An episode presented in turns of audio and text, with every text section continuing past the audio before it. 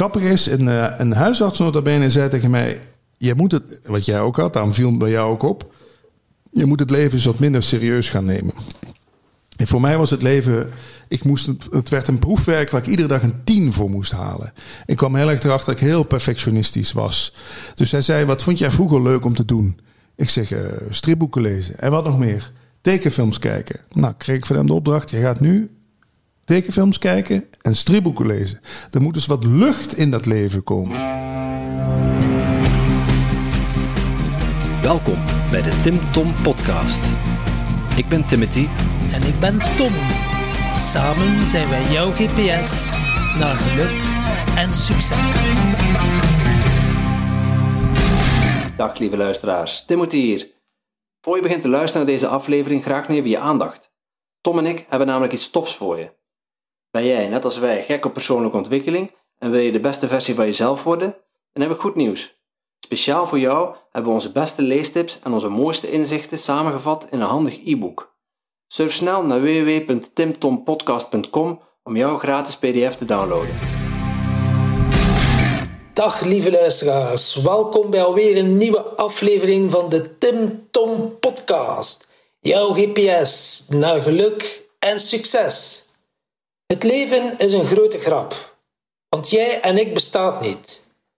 Een interessante uitspraak van onze gast van vandaag, Patrick Kikken, de podcastkoning van Nederland. Hij was steeds op zoek om altijd de eerste te zijn. Zo had hij als eerste een website en in 2008 ging hij al van start met zijn podcast Leven zonder stress, die vandaag reeds 317 opnames heeft. Doorheen de podcast kom je meer te weten over Patrick zijn levensverhaal en zijn levensweg. Hij heeft het uitgebreid over persoonlijke ontwikkeling en spiritualiteit. Zo kom je te weten wie hem inspireert en hoe hij in het leven staat. Zijn passie is muziek en radio, maar net daar kreeg hij een burn-out. Zijn proces omschrijft hij als het padloze pad. Een pad naar huis en beseffen dat je al thuis bent. Patrick laat je nadenken en neemt je mee in zijn kijk op het leven. Heel veel luisterplezier met deze boeiende podcast over dualiteit, ego, angsten, spiritualiteit, persoonlijke ontwikkeling, noem maar op. Alvast de moeite om te luisteren. Zo. Ja. Ineens zijn we er. Ja. Kijk eens aan. First choice. Ja, ik, ik heb uitgepakt. Dure cola. Kijk eens aan. Santé. Santé. School. Als je er niet van drinkt, dan blijft hem vol. Ah, school. Dat komt van Skol. Uit het noorden. Ja, van de vikingen. Vikings, kijk je die serie ook? Ik kijk een serie. Oh, Ja, welk seizoen zit je? Laatste. Oh, niks verklappen. Ik wil niet weten of Rak nou nog leeft of niet. Ik wil het Ben nee, je nee, daar nee. nog maar? Wat? Ik Zeg, je daar nog maar? Ik- ja, ik zit in, we zitten in seizoen 4. ze hebben net eh, eh, Rollo opgehaald in Frankrijk om eh, de eh, Atlantische Oceaan of de, de nieuwe oceaan te gaan verkennen. En nieuwe Ik zal je niet verklappen dat Ragnar dood is. eh. akkoord nemen. Zo'n vermoeden had ik al. Leuk, ja. ja. Goed, maar Vikings, ja. Oh man, wat een serie.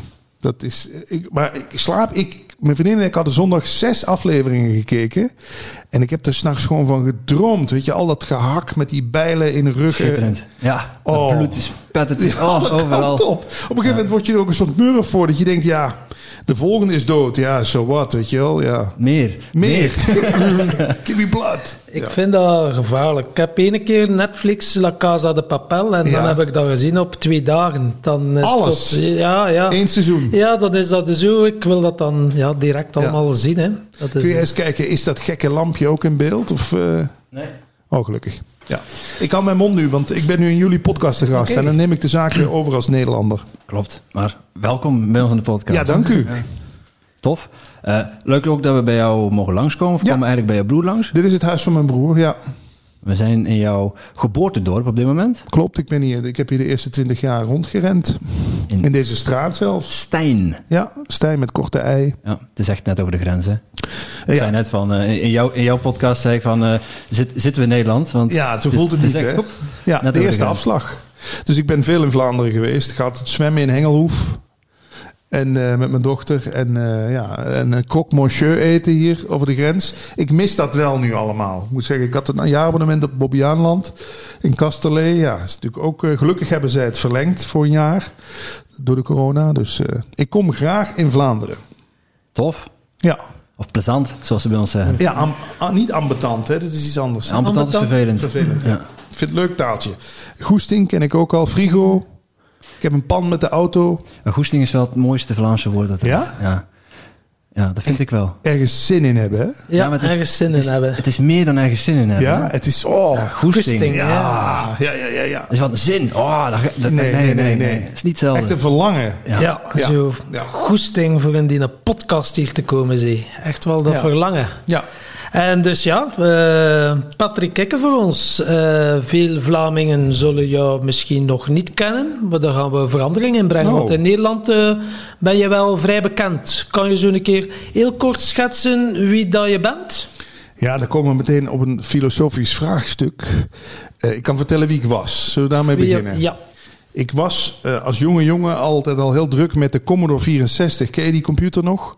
Een thuiscomputer. Ik zat allemaal met internet. Of er was nog geen internet, maar je had een soort voorloper van het internet. Bulletin board systems. Dus als jonge jongen van 13, 14 zat ik al de hele tijd in te bellen naar Amerika. Mijn ouders werden gek van mij. De telefoonlijn was altijd bezet. Ja, dat was toen nog zo, hè? Ja, je moest bellen met een modem. Maar ja, het grote geluk is dat ik daardoor toen dat internet opkwam... eh, zag ik al vrij snel, hey, dit is eigenlijk dat wat, wat ik al zat te doen, maar dan in grote vorm. Dus ik was een van de eerste in Nederland met een website, kikken.com. Misschien dat Vlamingen dat ook nog wel kennen. Daar stonden allemaal grappige filmpjes op, funny files. Dus mijn eerste bekendheid, als je het zo mag noemen, was met die website in 1997, 98, 25.000 bezoekers per dag. Dus ja, toen proefde ik wel, denk ik, ja, dat is leuk hè, als mensen je kennen ergens van. Dus bij de radio begonnen, over de grens in Vlaanderen, bij de landelijke radio terechtgekomen, maar altijd op zoek geweest naar, kan ik ergens de eerste mee zijn? Dus met podcasts was ik eigenlijk ook in 2009, 8 een van de eerste die het gewoon echt wekelijks deed. Daar zouden mensen me van kunnen kennen. 3FM, Radio Veronica. oké. eh, 3FM is geen kleine radiozender. Nu wel, maar toen Een beetje de Studio Ja, Brussel ja, van, eh, van Nederland. Ja. Klopt. Ja, nee, en dat is superleuk. Dan zit je ineens als 23-jarige jongen landelijk op de radio. Dat is... Daar gaat een wereld voor je open natuurlijk. Ja, ik heb je leren kennen via je podcast eh, Leven zonder stress. Ja. Aan welke aflevering zit je ondertussen al? Ja, veel. Eh, Je mag er maar 300 laten zien op Apple. En ik zit inmiddels op 315 of zo. Dus de eerste 15 zijn al uit het zicht verdwenen, zeg maar.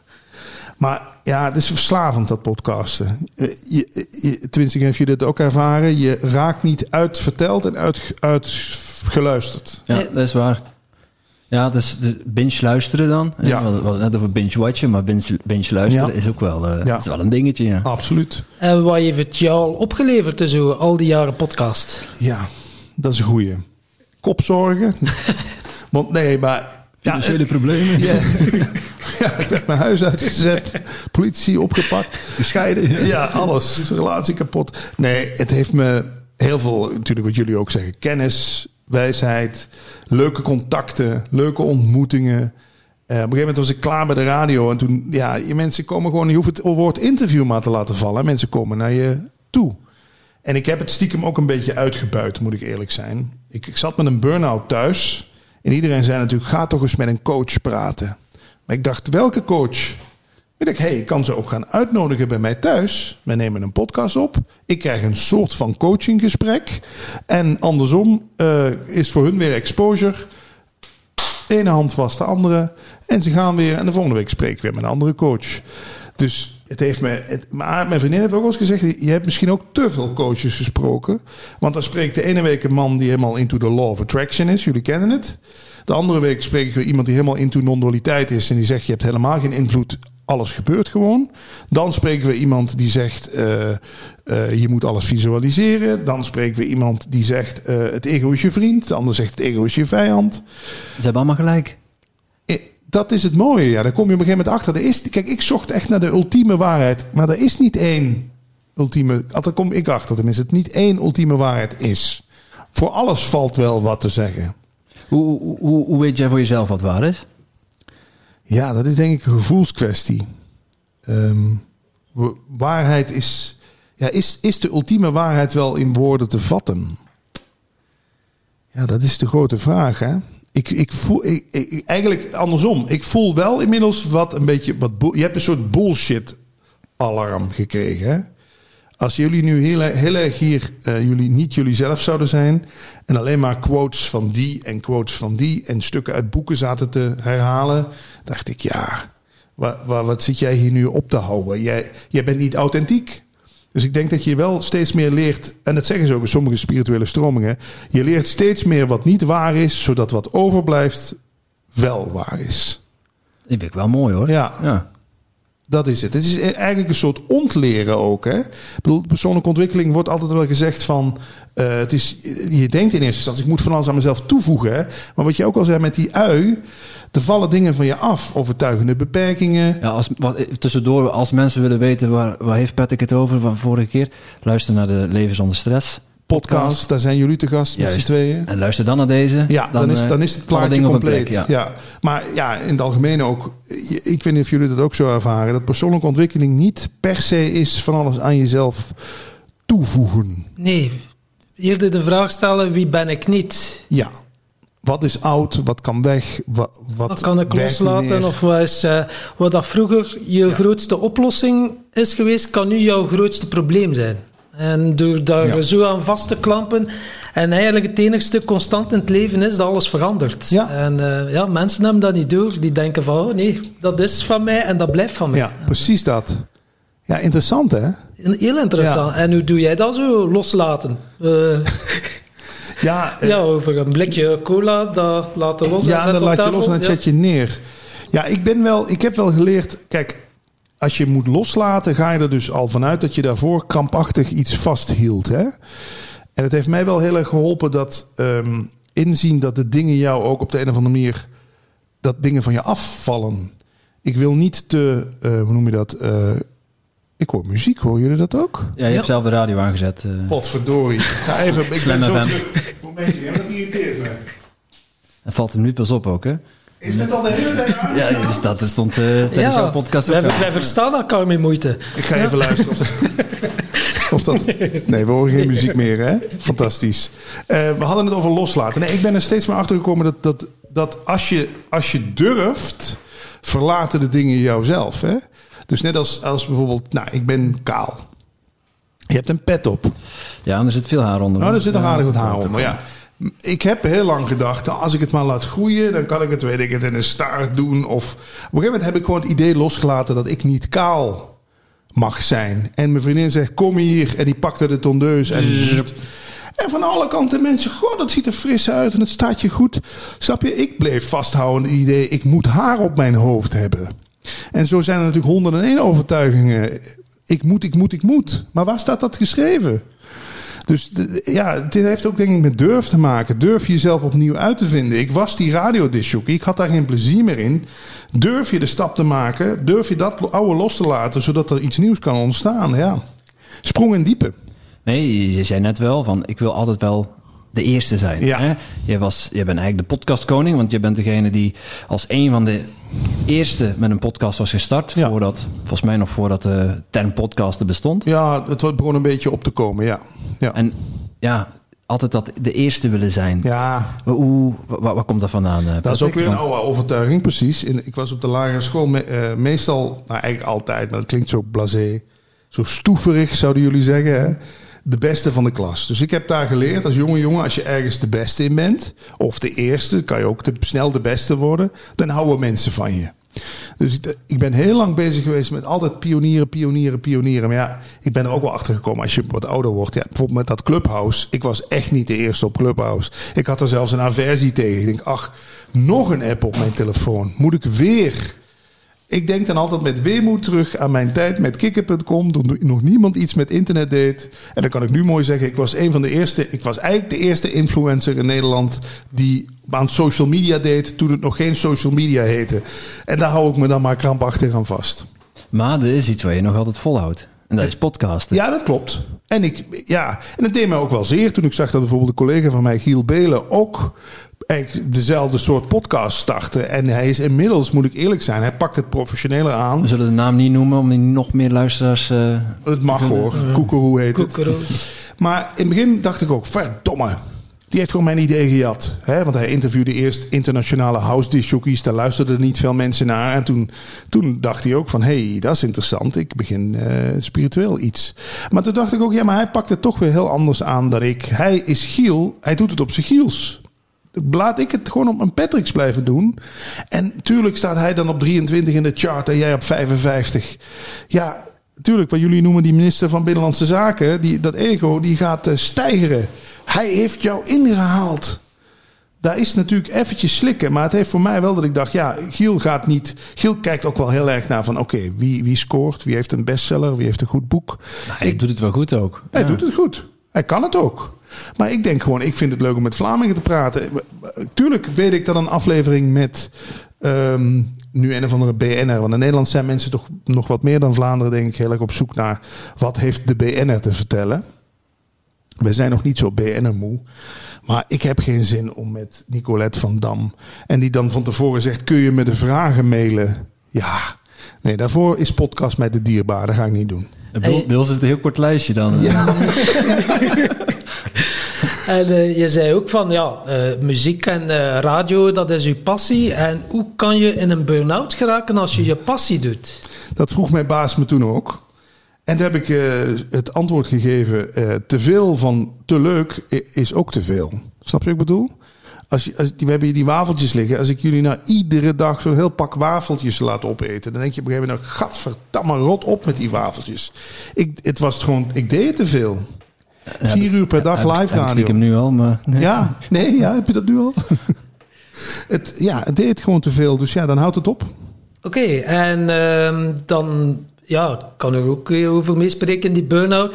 Ja, dan ga je toch wel eerst nog even over die grens, over die grens. En was dan ook bij jou ineens vier banden plat? Niet meer vooruit, Ja. niet meer achteruit? Ja. Nee, ik kon de deurbel zelfs niet meer verdragen. Gewoon, weet je wel. Ja.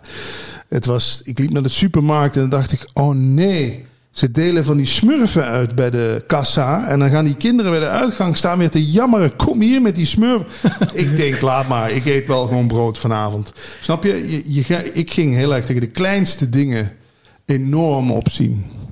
En ehm, ja, nu zit er Hoe genees je daarvan? Ja. Hoe je daarvan geneest? Nou, mijn ervaring is dat je daar nooit 100% van geneest. Ik weet niet of je die ervaring ook kent. Die voelsprieten zijn zodanig ontwikkeld en ik voel ook direct van, oh, nu ben ik Ja. weer over mijn grens aan het gaan en ik moet hier echt wel eh, de pauzeknop Ja. even eh, indrukken. En je hoort van heel veel mensen met een burn-out dat de supermarkt, dat blijft een ding. Hè, al van al die kanten, karretjes, drukte, kabaal, vakkenvullers, drukte bij de kassa. Dus ik heb nu een oplossing voor mezelf gevonden. Ik weet niet of je de Too Good To Go app kent. Tip van de dag. Nog niet van gehoord, nee. Dan haal je gewoon voor 5 euro een tasje met boodschappen op bij de, eh, bij de eh, infobalie. Van spullen die die dag nog goed zijn. Dus die tot en met die dag houdbaar zijn. En anders moeten ze ze weggooien. En dat is voor mij de perfecte oplossing. Je hoeft de winkel niet meer in. Iemand anders kiest voor mij de boodschappen. Er zit altijd wel iets van groente bij, vlees en een aardappel. Dus ik heb mezelf gewoon ook. Ik heb van mezelf geaccepteerd. Dat naar een supermarkt toe gaan blijft gewoon voor mij lastig. Too good to go. Too good to go. Goeie tip hoor. Dat is bedacht door de mensen die ook Spotify bedacht hebben. Het is weer zo'n super uitvinding. Je ziet van alle supermarkten bij jou in de buurt. Wie heeft nog zo'n pakketje klaarstaan? En dan druk je en dan betaal je en dan haal je het op. En dan. Dus Oh, ja, fantastisch. Mijn twee grootste ergernissen in de week.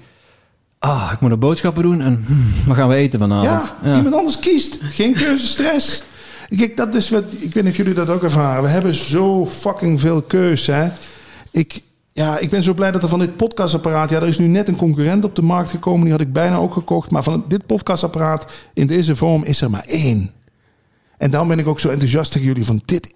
Weet je wel, waren er hier vijf van geweest, dan had ik alweer gedacht, hmm, jij ook misschien. Welk van die vijf zou nou het beste zijn? Ik, ja, ik, daarom, inderdaad, ik rij ook al 15 jaar, nou moet ik niet liegen, 2007, 14 jaar dezelfde auto. Die doet het nog goed. Wat moet ik? Ik zou niet weten waar, waar moet je beginnen met een nieuwe auto? Dus die bur- burn-out heeft wel bij mij veroorzaakt dat ik nou ja, dat bepaalde dingen gewoon lastiger zijn geworden. Keuzes maken in, voor aankopen en, ehm, En, en toch stressvolle situaties met veel mensen. En eh, ja, die burn-out, oké, nu leerde er wel mee dealen met die, eh, met die burn-out, maar hoe, hoe waren nu eerst de stapjes om eruit te geraken? Je, je sprak ook al van, ik nodig de coaches uit in mijn, Ja. eh, in mijn studio en dat hielp. En was dat het enigste of was dat echt wel, het is toch ook wel aan jezelf werken, hè? want Absoluut. een coach kan wel iets zeggen, maar het is toch tenslotte zelf dat je het moet doen. Hè? Ja, het grappige is, een, een huisarts notabene zei tegen mij... Je moet het, wat jij ook had, daarom viel het bij jou ook op... Je moet het leven eens wat minder serieus gaan nemen. En voor mij was het leven... Ik moest het, werd een proefwerk waar ik iedere dag een 10 voor moest halen. Ik kwam heel erg erachter dat ik heel perfectionistisch was. Dus hij zei, wat vond jij vroeger leuk om te doen? Ik zeg, eh, stripboeken lezen. En wat nog meer? Tekenfilms kijken. Nou, kreeg ik van hem de opdracht... Je gaat nu tekenfilms kijken en stripboeken lezen. Er moet dus wat lucht in dat leven komen. En dat maakte voor mij inderdaad weer een soort kind in mij wakker, wat ook weer plezier had in de dingen. En ja, toen vielen de dingen die, die niet meer zo, die geen plezier meer gaven, die vielen weg. En natuurlijk doe je dan ook dingen als meer gaan wandelen en, en eh, ontspullen. Alhoewel dat voor iemand met een koopverslaving nog steeds eh, lastig is. Maar ja, ik, ik, ik heb vooral geleerd mezelf minder te bekritiseren. Die innerlijke criticus die achter je zit, hè? die de hele tijd zegt: Ah, wat zeg je nou weer? Wat doe je nou weer? Wat een loser. Wat moeten die mensen wel niet van je denken? Hè? Dat, dat stemmetje, die Muppet-opa. Ja, dat heb ik toch wel geleerd minder serieus te nemen. En dus je zegt van ja, ik moet wat minder serieus nemen en dan ben jij wel de pionier met de funny filmpjes. Absoluut. Ja, de lol, de- hetzelfde wat jij ook deed. Ze zeggen wel eens de clown huilt van binnen. Hè? Humor is natuurlijk een manier om inderdaad te ontspannen. Maar humor is ook een manier om je problemen niet aan te kijken. Hè? Maar gewoon weg te lachen. En, en toen kwam non-dualiteit op mijn pad. Dat was natuurlijk fantastisch. Want dan wordt gezegd, ja, jij bent niet de doener van de dingen. De dingen gebeuren gewoon. En dat heeft me wel weer geholpen om eh, de be- zelfbeschuldiging los te laten. Hè? Want als jij met een burn-out thuis zit, ik weet niet of je het kent, het eerste wat je zegt is, nou nu hebben we het echt voor elkaar. Hè? Nu zitten we hier, je baan staat op de tocht, niemand mag je meer, niemand zoekt meer contact, je relatie loopt op de klippen. Goed gewerkt, jongetje. Je, die, die, dat jezelf maar met die zweep... Zelfbeklag. Ja, ja, ja. Zelfkastijding. Echt? Ja. En dan komt non-dualiteit voorbij en zo'n filosofie waarin ze zeggen: jongen, dit, dit is gewoon, dit is allemaal een soort, ja, toch. Het, het bestaan grijpt met een soort breekijzer in bij jou. En als jij niet goed schiks wil luisteren, dan maar hardschiks. Dan maar even pas op de plaats, hè? We Ja, zetten jou zo- nu. zoals Tom vaak zegt, vier banden plat. Ja, ja, je kan niet meer verder rijden. Nee, op pauze. Dus uiteindelijk zeg ik ook wel eens: is een burn-out gewoon een geschenk van het bestaan. Dat wou ik je net vragen. Want ik, we, hebben, Ja. we hebben nu, je bent nummer 70. We hebben echt heel veel mensen in onze podcast gehad die last hebben gehad van een burn-out. Ik hoor ze allemaal hetzelfde zeggen. Ja, het is mijn grootste geschenk. Het klinkt bijna cliché, Ja, ehm, maar ik hoor het jou ook nu ook weer Ja. Wat, is, wat is er zo mooi aan geweest? dan? Ja, ja, wat is er mooi aan geweest? Nou, dat, dat er eindelijk eens ruimte kwam voor nieuwe dingen. Dat, je, dat je gewoon, want ieder, ik denk dat een mens stilstaand water, ja, dat is natuurlijk, dat wordt, dat wordt vies. Ik bedoel, je moet toch in beweging blijven. En ik stond ook gewoon stil eigenlijk. Ik was aan het toppen van mijn kunnen bij die radio. Eh, de relatie waar ik in zat liep niet meer. We zaten ook maar een beetje mooi weer te spelen tegen elkaar. Ik kan me herinneren dat mijn moeder met kerst vroeg aan mijn vriendin van... hoe gaat het eigenlijk tussen jullie? En toen zei ze... Oh, het is vol te houden. Dacht ik, echt? Het is vol te houden? Zo wil je toch niet in een relatie of wat dan ook staan. Het is vol te houden. Met andere woorden, het kost wel wat moeite, maar ja, we doen het er maar mee. Zo dacht ik ook, ja, toen ik dat hoorde. Nee, je moet, je moet, en toen ben ik met die relatie, het is ook eigenlijk op een hele aparte manier uitgegaan. Op oudejaarsavond om half tien hadden we een, een, een ruzietje. En toen ben ik gewoon in de auto gestapt en hier naar Limburg gereden. En dat was het einde relatie. Ik ben wel van de. Ik laat het lang op zijn beloop. Maar op een gegeven moment dan klapt dat gewoon. Hè? Ja, dan, zal dat- het leven wel ingrijpen. Ja, hè. dan kan het niet meer langer. Dan kan het niet meer anders Nee. en dan is er een crisis nodig Ja. om je echt met de neus op de feiten Ja. te drukken en zo van, kom jongen, Patrick. Ja, ja nu is het echt eh, nu is het klaar. En, en zelfs toen nog heb ik geprobeerd het daarna weer te lijmen. Maar gelukkig was zij wel ook zo verstandig. Ze dacht, ja, maar dit is zo'n signaal.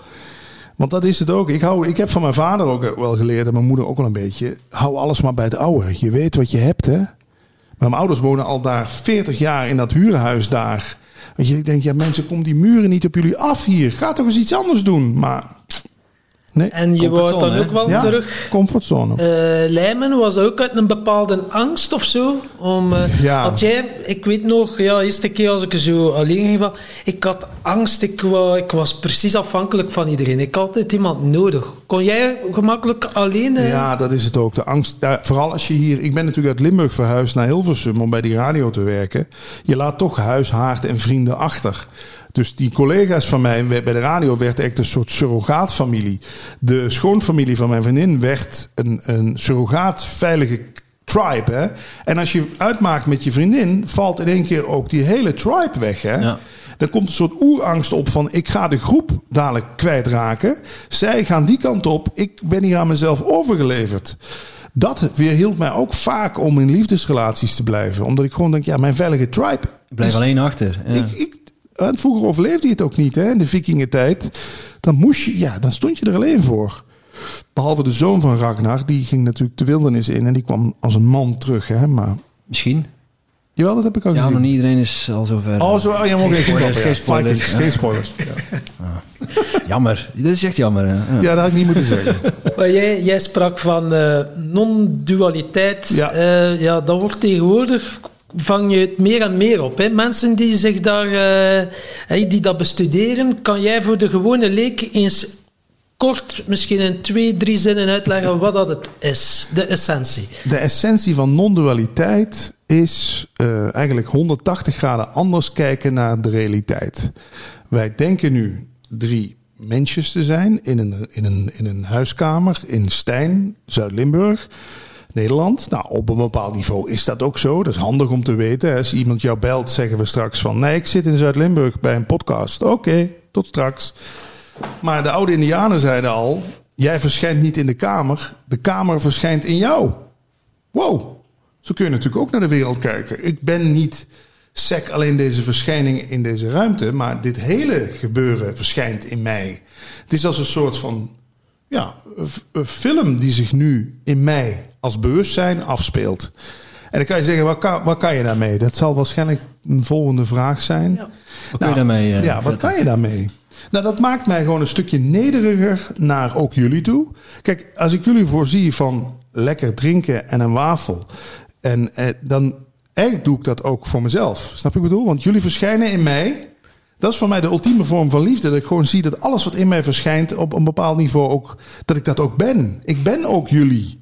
Dus waarom zou ik dan niet ook begaan zijn met jullie welzijn en het welzijn van dat, die dieren en, en, en, en dat bos? En ja, ik wil niet meteen te wereldverbeterend klinken, maar het heeft mij een stuk liever gemaakt, minder egoïstisch. En, en het heeft mij doen inzien van ja, dit speelt zich af. Net als s'nachts dat je ligt te dromen dat je Napoleon bent. En je wordt daarna wakker. Dan zit je ook niet nog de hele dag in over dat, dat Napoleon in zijn borst geschoten is. Nee, het was toen. Dat speelde zich toen af. Dit speelt zich nu af. Dus je, je bent minder geneigd om, om, om een hele identiteit te maken uit wat zich afspeelt. Ik zou nu heel erg kunnen denken: ja, vroeger was ik iemand. Toen werkte ik bij de landelijke radio. Nu doe ik een podcast. Nou, dat zou mij geen leuke mens maken. Want dan denken jullie ook van ja, wat heeft hij voor een steralures? En die kan alleen maar over vroeger praten. Want dat zie je toch ook bij mensen. Die kunnen alleen maar zeggen: ja, maar vroeger.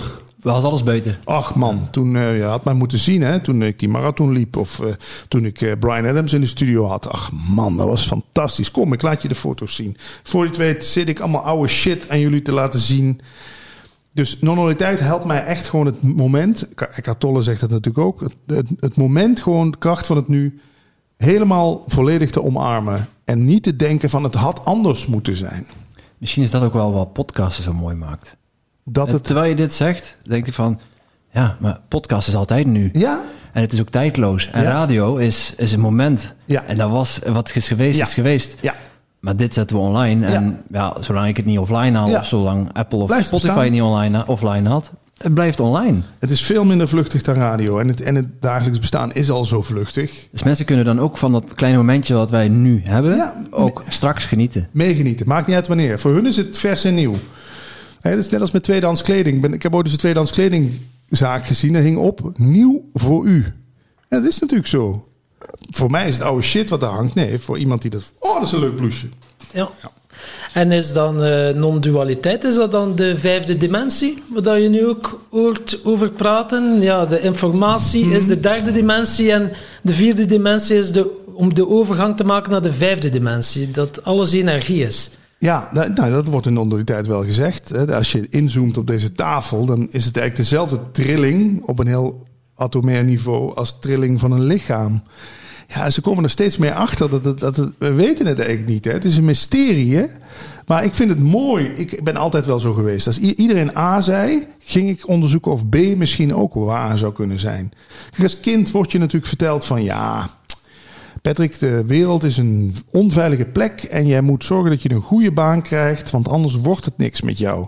Ja, ik durfde het tegendeel te gaan onderzoeken en gewoon mijn passie te volgen, computers en radio. En nou ja, het heeft toch wel het nodige gebracht.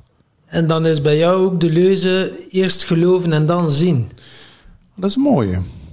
Ja, nou ja, ja, ja. De non-dualiteit is voor mij ook een werkbaar model. Weet je, als ik dat, stel nou dat het waar is. Dat de persoon maar een verzinsel is. Dat er niet zoiets bestaat als vrije wil. Dat feit dat jij zo bent gaan zitten.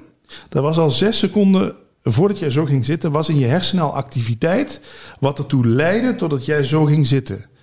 Heb jij dan bewust ervoor gekozen als Timothy om zo te gaan zitten? Of is het maar het verhaal eromheen? Is het maar de ondertiteling bij een film? Zo. Zo'n balk zo, hè? Bij wat er, wat er gebeurt. En we zijn ons eigenlijk ver- verloren in de beschrijving van de wereld. Hè? We zien een boom en dan is het niet van, oh, wauw. Maar meteen, ah, dat zal wel een spar zijn. Hè? Ja, mijn oma had vroeger ook een spar in de tuin. Nou, is zo allemaal objecten. Hè? En, alles definiëren. en zoals eh, Edwin Selei zegt, je hebt de afgesproken realiteit. Oké, dat is een tafel, wij waren er niet bij. Eh, of dat is een blikje. Maar dan heb je ook de vervormde realiteit. Ah, dat is een mooie tafel. Ja, en ja, dat is eh, weer een heel andere beleving. typisch en mooi hoe je dat zegt. Ja, dat, dat, dat, en, en ja, dat vertroebelt eigenlijk. Hè? Als ik bij jullie, als ik jullie inderdaad te veel. Nou ja, dat vind ik altijd zo mooi. Als ik van jou had geweten dat jij, dat jij een kind vermoord had. dan moet ik heel erg oppassen dat ik niet door die bril alleen maar naar jou ga kijken. Hè? Terwijl als iemand zegt: nee, dat heb je verkeerd gelezen. Hij heeft juist een kind gered uit een brandend huis. Dat je achteraf denkt: oh, waar heb ik de hem. Snap je wat ik bedoel? Ja, ja, ja, ja, ja. De, die beleving is helemaal Totaal anders. Ja, Totaal ja, ja. anders. En dan is, zie ik jou niet meer. Ik, zie naar, ik zit naar een, een script te kijken wat ik over jou al geschreven heb. En ja, daarom v- vind ik altijd zo stom. Hè? Dan is er zo'n aanslag geweest in Bataclan. Dat was in Vlaanderen, toch? Hè? In Brus Brussel? Frankrijk, denk ik. Oh, dat was in Frankrijk. Parijs. Bataclan, ja. Dan, iedereen heeft medelijden met de slachtoffers. Maar ik durfde dan wel te zeggen, ik heb ook medelijden met de daders. Want hoe ver moet het met jou zijn gekomen... dat je denkt dat het neermaaien van een hoop mensen... jou iets gaat brengen van geluk, verlichting, eh, God, eh, Allah... Dus, maar dat, nee, we zijn meteen slachtoffer, dader. En eh, slachtoffers medelijden, dader, oh, die moeten het gevangen, die moeten we nooit meer zien. Ja, dat is eh, de, de angst, hè. Eh, ook weer dat dan komt opspelen. Nou ja, de tijd dat we nu zitten, eh, is het een en al angst. Hoe ga jij om Ja. met de angst? Ja, absoluut. Ja. ik, ik vraag me dan wel af, dat, dat non-dualiteit. Ja, Ja? Tenminste, hoe ga jij mee om met de angst? Laten we die even parkeren. Want Ja. ik, wil, ik wil eigenlijk nog even doorgaan op dat non-duaal. Ja, graag. Want als alles al voorbestemd is, heeft het dan überhaupt nog zin om te blijven ademen? Want Nou, probeer maar eens niet te ademen. ja, oké, maar bedoel, daar kan ik net goed, daar kan ik er net goed nu mee stoppen. Ik weet het. Dat, dat is natuurlijk de, de commentaar wat je vaak hoort. Je kan er heel nihilistisch van worden. Hè. Het heeft toch allemaal geen zin wat ik doe. Maar op een bepaald niveau eh, heb jij die keuze ook niet. Ga maar eens, probeer maar eens de hele dag in bed te blijven liggen. Jij gaat toch op een gegeven moment, gaat dit lichaam opstaan om eh, eh, te gaan plassen. Want je plast niet graag in je broek. Dus je kan op wilskracht, kan je misschien een halve dag hou je het vol. Maar het is, het is vooral kijken naar dat het. Het wil niet zeggen dat je in de wereld niks meer kunt bereiken of zo. Of dat je jezelf niet kunt verbeteren. Maar dat komt ergens vandaan. Die, dat verlangen, hè? Zo mooi. Ja, kan jij aanwijzen waar bij jou, op waar jij op welk moment jij precies nou zelf de bewuste keuze hebt gemaakt. Vanaf nu ga ik veranderen. Of was dat ook een soort proces waar je organisch doorheen ging, hè? Ja. ja, dat is een proces, ja. En het, en het ik Het, claimt dit is altijd, er is altijd wel een moment, maar dat is, dat is een beslissing en daar gaan stappen aan vooraf. Ja, het heeft ergens toe geleid. Ja, de beslissing is makkelijk. Hè? Die duurt maar een paar seconden. Hè? En dan voel je het, oké, ik kies dat. Ja. Maar hetgeen dat er al vooraf gaat natuurlijk, Ja. is wel... eh, Maar we leven natuurlijk in de westerse maatschappij waarbij de ik zo centraal staat dat niemand eraan durft te twijfelen dat jij echt een ik bent. Maar als je al ziet wat jullie ook aan het onderzoeken zijn, dat je een ik hebt, dat je daar dus mee kan spelen. Hè? Dat je niet per se ook naar die ik-delen hoeft te luisteren. Dat ik wat altijd op de voorgrond wil staan, of dat ik wat altijd het grootste stuk vlees wil. Of snap je? Ja. Je kan heel erg ik verslaafd raken zelfs. En dat wij, ja, zijn natuurlijk genoeg culturen waarbij gewoon die ik, daar wordt bijna een beetje lacherig over gedaan. Wij als tribe voeden de kinderen op. Van hem leert hij boogschieten, van hem leert hij hout bewerken. En die denken, ja, jullie maar met jullie ik. dus ja, het, ik, ik ben, moet niet zeggen dat je moet ontikken. Maar het, het heeft mij in ieder geval geholpen om die ik eens even... Hé, hey, maar wacht eens even. Je bent wel heel veel tijd in die, in die ik aan het investeren. Is, is die wel werkelijk die ik? Of is dat maar gewoon een soort verzameling gedachten over jezelf waar je heel erg in gelooft? En de ene ik is de andere niet. Hoe is het met de ik die naar de action wilt? Precies. En de ik die, die tien jaar geleden nog eh, eh, prostituees bezocht, moet, moet eh, weet je, en daarom kan ik daar ook gewoon over vertellen, omdat ik weet dat ik toen dacht iets te kunnen vinden. En dan komen we, misschien mag ik dan nog vertellen op de kern van non-dualiteit. Daar wordt dus beweerd dat de eerste drie jaar van jouw leven was jij gewoon, als kind zag je eigenlijk geen onderscheid tussen de wereld en jou. Er was wel een handje, maar je dacht niet, oh dat is mijn handje. Dat zie je ook als kinderen in de spiegel kijken, jonge kinderen. Weet je, dan zitten ze echt zo. En je ziet dat bij dieren soms ook. Nee, ik zie dat bij mijn kat wel eens. Ja, die denkt, hè? Die ziet, weet niet dat zij dat is. Geen zelfbesef. Nou, vanaf een jaar of drie zeggen kinderen dan: Jantje heeft honger. Nee, nee, nee, je moet zeggen: Ik heb honger. Je wordt helemaal in dit lichaam gedwongen. Als zijnde, je bent vanaf nu een persoon. En die persoon komt onder voorwaarden te staan. De eerste paar jaar van je leven maakt niet uit als je als kind in je broek poept. Je gooit iets om, alles is leuk. Maar er komt blijkbaar ergens een dag dat het tegen jou gezegd: Zo, vanaf nu gaan we jou verantwoordelijk houden voor wat jij doet. Ja, dat is natuurlijk een enorme, eh, ja, voor een kind enorm indrukwekkend. Vanaf dat moment ga je ook allemaal dingen herinneren. Een soort van kleine traumaatjes die opgeslagen worden. En ja, er wordt beweerd in non-dualiteit dat we allemaal terug verlangen naar de tijd dat we nog niet onder voorwaarden stonden. Dat we gewoon konden doen zonder dat we meteen afgerekend werden op, door onszelf en door anderen op wat we deden. En een soort onbezorgde staat van heelheid. En natuurlijk gaan wij nu niet weer in onze broek poepen. en gewoon Ja, laten we wel, hè. we kunnen dus, ja, precies, die kant gaan we toch op. Nee, maar als jij nu eh, dit apparaat kolen overheen gooit, dan zeg, ik, dan zeg ik natuurlijk ook Timothy, ja, we moeten even kijken, iets regelen of zo, dat we een nieuwe kopen. We hadden al geruild met mijn statieven, toch? Oh ja, dat is waar, ja, je mag hem hebben. Maar lang verhaal kort, eh, de verantwoordelijkheid, tuurlijk. Vrij, we doen alsof we vrije wil hebben. We doen alsof jij, als je iemand aanrijdt, is dat jouw schuld. Maar op een bepaald niveau kun je ook gewoon zien, het gebeurde gewoon. Ik had er geen keuze in. Als ik toch de keuze had gehad tussen die man wel of niet aanrijden, dan had ik er denk ik toch wel voor gekozen om hem niet aan te rijden. Snap? Kun je daar Ja. wat mee? Daar kan ik zeker iets mee, ja. Dat, dat, dat, daarmee spelen? En dat komt inderdaad weer dat schuld. Hè? Eh, iemand rijdt tegen jou, maar die kan dan bijvoorbeeld net een telefoontje hebben gekregen dat zijn vrouw ernstig ziek is. Ja. En dan denk je, oké, Ja. ja. maar dat zijn dan die ouders, die schuld van die ouders, die vrouw, want die hebben een ongezond eh, opgevoed. En dan, ja, dan ga je dan. Hè? Blijft aan de gang. Ik, dat schuld is natuurlijk een enorm iets waar we heel graag mee spelen. Eh, geld is natuurlijk ook een leuk speeltje van het ego. Want daarmee kan ik mij ten opzichte van jou een soort van: kijk, ik sta hier, jij staat daar. Ja, het is een leuk spel. En je moet ook niet de wereld gaan zitten ontkennen. Want er zijn stromingen binnen de non-dualiteit die zelf zeggen van ja, dit is gewoon allemaal niet waar. Die, die, zeggen, die, die zeggen gewoon de wereld is een verzinsel. Dat, dat, dat, dat is gewoon een droom. Dat is, speelt zich af, maar je moet het niet, je moet het niet serieus nemen. Het is niet, het is niet werkelijk. Zeggen anderen weer, dat hebben ze verkeerd vertaald uit het boeddhisme. De wereld is wel werkelijk, maar de wereld is vergankelijk. Dus de wereld is tijdelijk. Als je de wereld zo kan zien, als je zegt, ja, dat je gewoon weet van dit is allemaal maar een soort voorstelling waarbij we het nu heel serieus nemen. We proberen nu ook het mooiste ervan te maken wat we kunnen. Maar we weten, als we dit straks opruimen en oké, we zetten het online, dan is het voorbij. Heeft geen zin om straks in de auto te denken. Ik had toch wat meer aan het woord moeten zijn. Of ik had toch die ene vraag moeten stellen. Dat is mijn ervaring. Dat dat jou niks geeft. Ik, heb meestal de kans ook niet om nog een vraag te stellen. nee. Ja, moesten het dan Nee, nog zinnige maar- vragen zijn? we eh, hadden- ja, dan. we, we hadden nog een vraag van Tom, want ik had hem er net onderbroken. Ja, Ehm, dus hij mag hem alsnog stellen. Het ging over angst. Ja, nu in deze, juist, nu in deze tijden, het is de angst dat regeert. En hoe ga jij om met die angst? Ja ik, ik voel hem wel. Hè. Ik voel wel die, eh, als ik in een supermarkt iets te dicht bij iemand kom, als ik dan als toch de supermarkt inga, bij de Lidl voor de leuke koopjes in het midden. Oh, staat iemand dicht bij mij? Ja, ik moet er ook wel een soort van om lachen bijna. Snap je een beetje wat ik bedoel? Ja, ik snap het zeker. Ja. Het, het heeft ook iets komisch. Als je mij drie jaar geleden had verteld. Er komt een tijd dat je, weet ik, mondkapjes, anderhalve meter. En je eh, wordt bang van andere mensen. ja, andere mensen zijn een soort zombies. Hè? Het is een beetje The Walking Dead. Ja, het is, het is fascinerend. En ik keek gisteren, want ik kijk zo'n 500 documentaires per jaar. Dus gisteren had ik er ook weer twee achter de kies of eergisteren.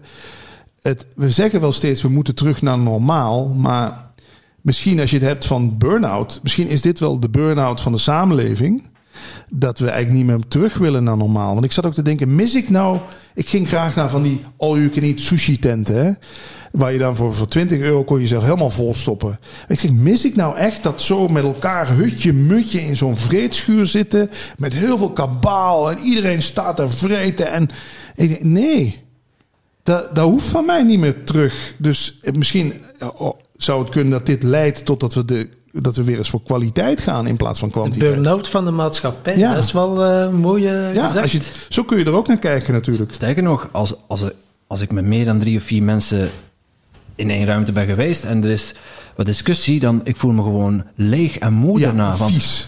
Ja, van, oh, dat was te veel indrukken, Ja. te veel, heftig. Ja, echt heftig. misschien, eh, onze, eigenlijk was de maatschappij toch al een beetje overspannen en, en toe aan een, aan een soort breekijzer wat zegt, oh man. Weet je, want dat thuiswerken, ik, ik zie op de een of andere manier daar ook, ja, we staan allemaal bijna niet meer in de file. Hè, we hebben, Fantastisch. ja, we, hebben, we kunnen wat later opstaan. Hè, hè? En mensen zeggen ook van... Het eh, mooiste wat eigenlijk mensen konden overkomen. Ja, En mensen zeggen ook van, eh, ja, in elke generatie, elke generatie maakt wel een oorlog mee. En als corona nu onze vijand is, als dat onze oorlog is, is het toch wel lekker chill, hè, onze dan hebben oorlog. we inderdaad hebben we het minder slecht dan eh, in de Tweede Wereldoorlog met hongerwinter. En ja, het leert mij ook weer gewoon ehm, dat je eigenlijk niet zo gek veel nodig hebt om gelukkig te zijn. Hè. Dat je, vroeger was ik ook, ik had dan ook zo'n app, die kunnen jullie ook in België denk ik, Social Deal. Ja, Dan kon je een Ja. voucher kopen en dan Ja. kon je dat ken ik. bij de Subway voor 5 euro een broodje gaan halen. En dan was het weer dat gevoel van, ah, ik moet wat. Ik moet dit weekend Yes, wat. een deal gescoord. Ja, de deal. En ha, ha, heb ik toch maar weer mooi. En ja, voor, voor 5 euro mag ik een overnachting. Ja, ja, precies. En dan reed je er naartoe en dan... Ja, het, het, het was iets geks ook. Dus ik, ik gun natuurlijk al die horecaondernemers wel hun omzet. Maar ik heb ook eens tegen zo'n man gezegd... die een heel grote keten heeft in Nederland. Bagels and Beans. Ik weet niet of dat in Vlaanderen Ja, er ook is. Ik zeg, ja, maar de laatste keer dat ik bij jullie was... daar was geen pretje hoor. Er stond achter mij een hele rij voor de afhaal. Ik zat met zes man aan de tafel waar wij nu ook zitten. Ik kon alle gesprekken van iedereen horen. De serveerster was super gestrest. Ik zeg, kunnen we niet terug naar... eh, Ga entree vragen in jullie restaurant. Of laat mij reserveren voor een plekje dat het een keer rustig is. Ja, ja daar ging hij dan eens over nadenken. Dus ik hoop wel dat dit dat tot effect heeft. En eh, je zei net, ja, je had nog iets te vragen, maar we starten normaal gezien onze podcast met de vraag van de vorige gast. Maar ik ben weg, de vraag vergeten. Daarmee komen we af met de vraag der vragen. Een eh, Christian van Tilo, dat is CEO van DPG Media. Die stelde ooit een fantastische vraag. En als we zo'n moment hebben dat we de vraag vergeten zijn, nemen we die vraag als alternatief. Ja. En die vroeg: Vertel ons alles over het belangrijkste keerpunt in je leven. belangrijkste keerpunt in mijn leven. Ja, ik heb het idee dat dat eigenlijk nog moet komen. Kan dat? Tuurlijk. Want wat wij natuurlijk met z'n allen een beetje in de spirituele wereld najagen, is verlichting. Hè? Zegt dat jullie iets? Ja. Spirituele verlichting. Er schijnt dus een moment te kunnen komen, en dat is wel de aanjager voor, ook van mijn zoektocht, dat je in een soort staat terechtkomt van totale overgave en totale acceptatie. En ik merk wel dat ik daar zo af en toe een beetje van proef of zo. Maar op de een of andere manier durf ik niet in dat gat, in dat vuur te springen. En het vraagt ook nogal wat van je. Het vraagt van je dat je eigenlijk gewoon totaal onthecht van wat dan ook. Kijk, nu heb ik nog best wel wat op te houden. Ik ben toch nog wel graag Patrick Kikken. Ik ben toch nog wel graag... Jullie zeggen van, je, was de je bent de podcastkoning. Ah, weet je, dan ga ik de rechter zitten. Dan voel ik me echt helemaal zo... Oh, ja, ik ben de podcastkoning. Maar ja, eh, with great power comes great responsibility. De podcastkoning moet dan ook iedere dag van zichzelf laten horen dat hij de podcastkoning is. Hè? Dus ik, ik zou zo graag op een punt komen dat het me allemaal niks meer uitmaakt. En dan niet op een manier van, weet je wel, ach. Maar ik heb nog steeds, ik jaag nog steeds dingen na. En voor mijn gevoel ben ik dat wel een beetje beu of zo. Kan je daar iets mee? Kijk, je, jij bent natuurlijk nog in je, in je dertiger, niet om het nou te chargeren, maar als je boven je veertig komt, je hebt Iedereen zegt dat ik nog zo jong ben, dus ja. nou ja, maar ik heb me voortgeplant. Je hebt je ook voortgeplant. Ik merk echt ook dat het met seksuele selectie heel veel te maken heeft. Op het moment dat jij je voortgeplant hebt, toen viel bij mij echt een enorme last van mij af. Ik was daarvoor echt het vogeltje op de tak die de hele tijd tweet, tweet, tweet, tweet, tweet. Zie mij, plant je voort met mij. Nou, als dat dan gebeurd is, oh, dan hoef ik ook niet met iedere vrouw te flirten. En dan is dat weg. Je, En zo hoop ik steeds meer dat allerlei verlangens. Ja, ik moet zeggen, verlangens zijn voor mij geen. Dat zijn geen prettige dingen. Weet je, dat is voor mij echt iets. Ja, dat wat, wat, wat zeer doet of zo. En het Boeddha heeft dat ook ooit gezegd. eh, verlangen. ehm, eh, verlangen is eigenlijk je angst langer maken, zei hij. Het, het, het idee dat nu iets ontbreekt wat je in de toekomst compleet gaat maken. En daar wil ik zo graag van af. Ik hoop dat dat keerpunt ooit gaat komen. Dat ik nergens meer door verleid word. Want de wereld wordt in, in, in India gezien als Maya. Is jou constant aan het verleiden. Oh, pak die wafel. Die gaat jou voldoening geven. Koop die nieuwe iPhone 12. Kapitalisme speelt daar zo de hele dag op in. Hè. Het is daar te halen. Nee, ik wil, ik wil het hier. Ik wil het sec alleen uit mezelf halen. En heb je zo momenten gehad dat je echt wel die heelheid voelde? Ja, ja, maar met name in, en dat heet dan een satsang. Ik weet niet of die het woord jullie iets zegt. Nee. De, eh, eh, dat noemen ze dus een, een samenkomst in waarheid. Eigenlijk zou je een ayahuasca-ceremonie ook als een satsang kunnen zien. Alleen in non-dualiteit komt dan gewoon iemand op een podium staan. En die, die, ja, die, dat kun je dan een guru noemen, maar dat vind ik allemaal, dat zijn allemaal van die zware termen. Gewoon een leraar die gewoon zegt: Nou, onderzoek voor jezelf is dit, dit en dit en dit. En dan zit je in die zaal en merk je, is dat een paar keer gebeurd. Ah, dan voel je je echt, ja, dan voel je een soort opluchting. Hier mag ik gewoon mijn wapens neerleggen. Ik hoef nergens meer naartoe. Ik zit hier gewoon helemaal zielsgelukkig te zijn op een houten krukje in een zaal waar voor de rest niks te beleven valt. En ik voel me zielsgelukkig. Hoe kan dat? Door die paar woorden die die man daar gezegd heeft. Dus dat heeft mij wel gewezen op dat er in jou een plek is waar het gewoon altijd stil is, altijd tevreden, altijd gelukkig. Alleen ja, er is ons gewoon geleerd. Je moet het uit die wereld halen, dat geluk. Ik heb geleerd, nee, je brengt het mee naar het feestje. Hè? Je, je brengt geluk mee. Geluk wordt gedeeld.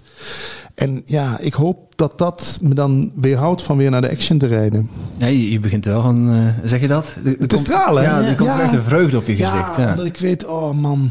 En weet je de weg dat- Ja, naar dat plekje? ik ken alle actions in de buurt hier. Nee, dat plekje, ja. Oh. Ja, dat, is, dat, dat ontroert me bijna. Dat is, ja, wat is de weg? Wat is de weg? Ja, het steekt de kop op. Het is niet iets wat... Het, wat- het kan dus aangewakkerd worden door...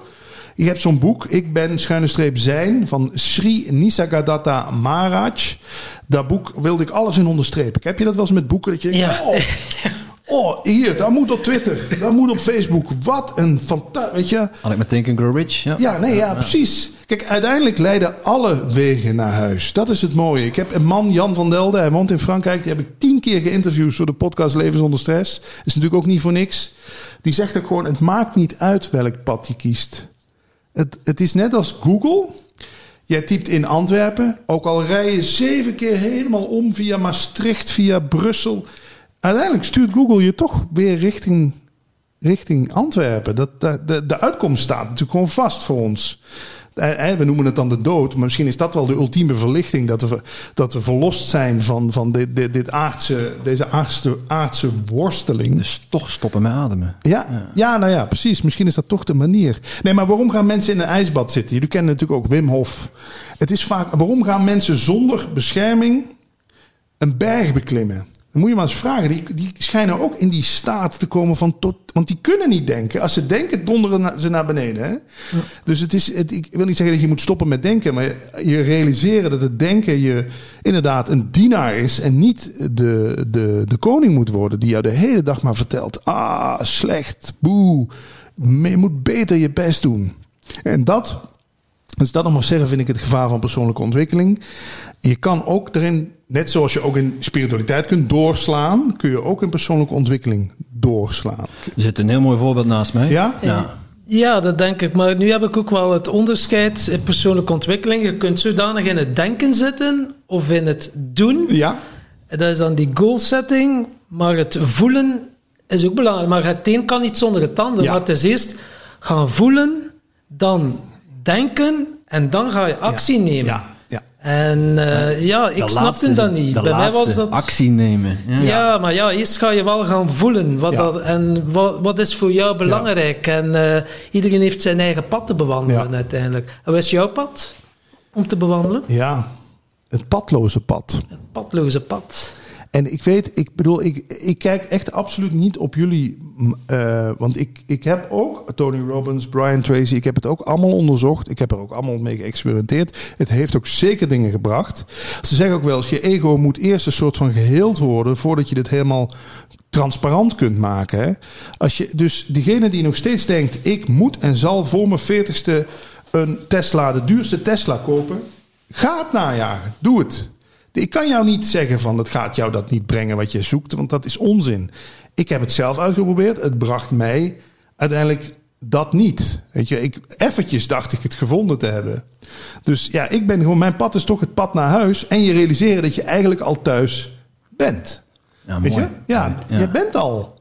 Uiteindelijk is het dus zo'n beetje, ja, je pad is toch al voorbestemd. Het is aan jou. Jij kan kiezen of dat je in de schaduw loopt of in de zon. Kies je voor angst of kies je voor liefde? Hè? Dat is de, eh, hè? In veel spirituele stromingen, bijvoorbeeld een cursus in wonderen, zo'n heel dik blauw boek, wordt ook gezegd: angst is hier de vreemdeling. Er is eigenlijk alleen maar liefde. En angst is een verborgen roep om liefde. Het is een uitnodiging om jou, als ik zie dat je angstig bent, om voor jou lief te zijn. Gaat het nog? Ja hoor. De van cola. die, eh, Van die, first choice. eh, ja, dat, Is, dat moet ik ook niet meer aan mensen serveren. Ja, Dat is mijn voorbedachte raad, hè. Ik snap hem wel.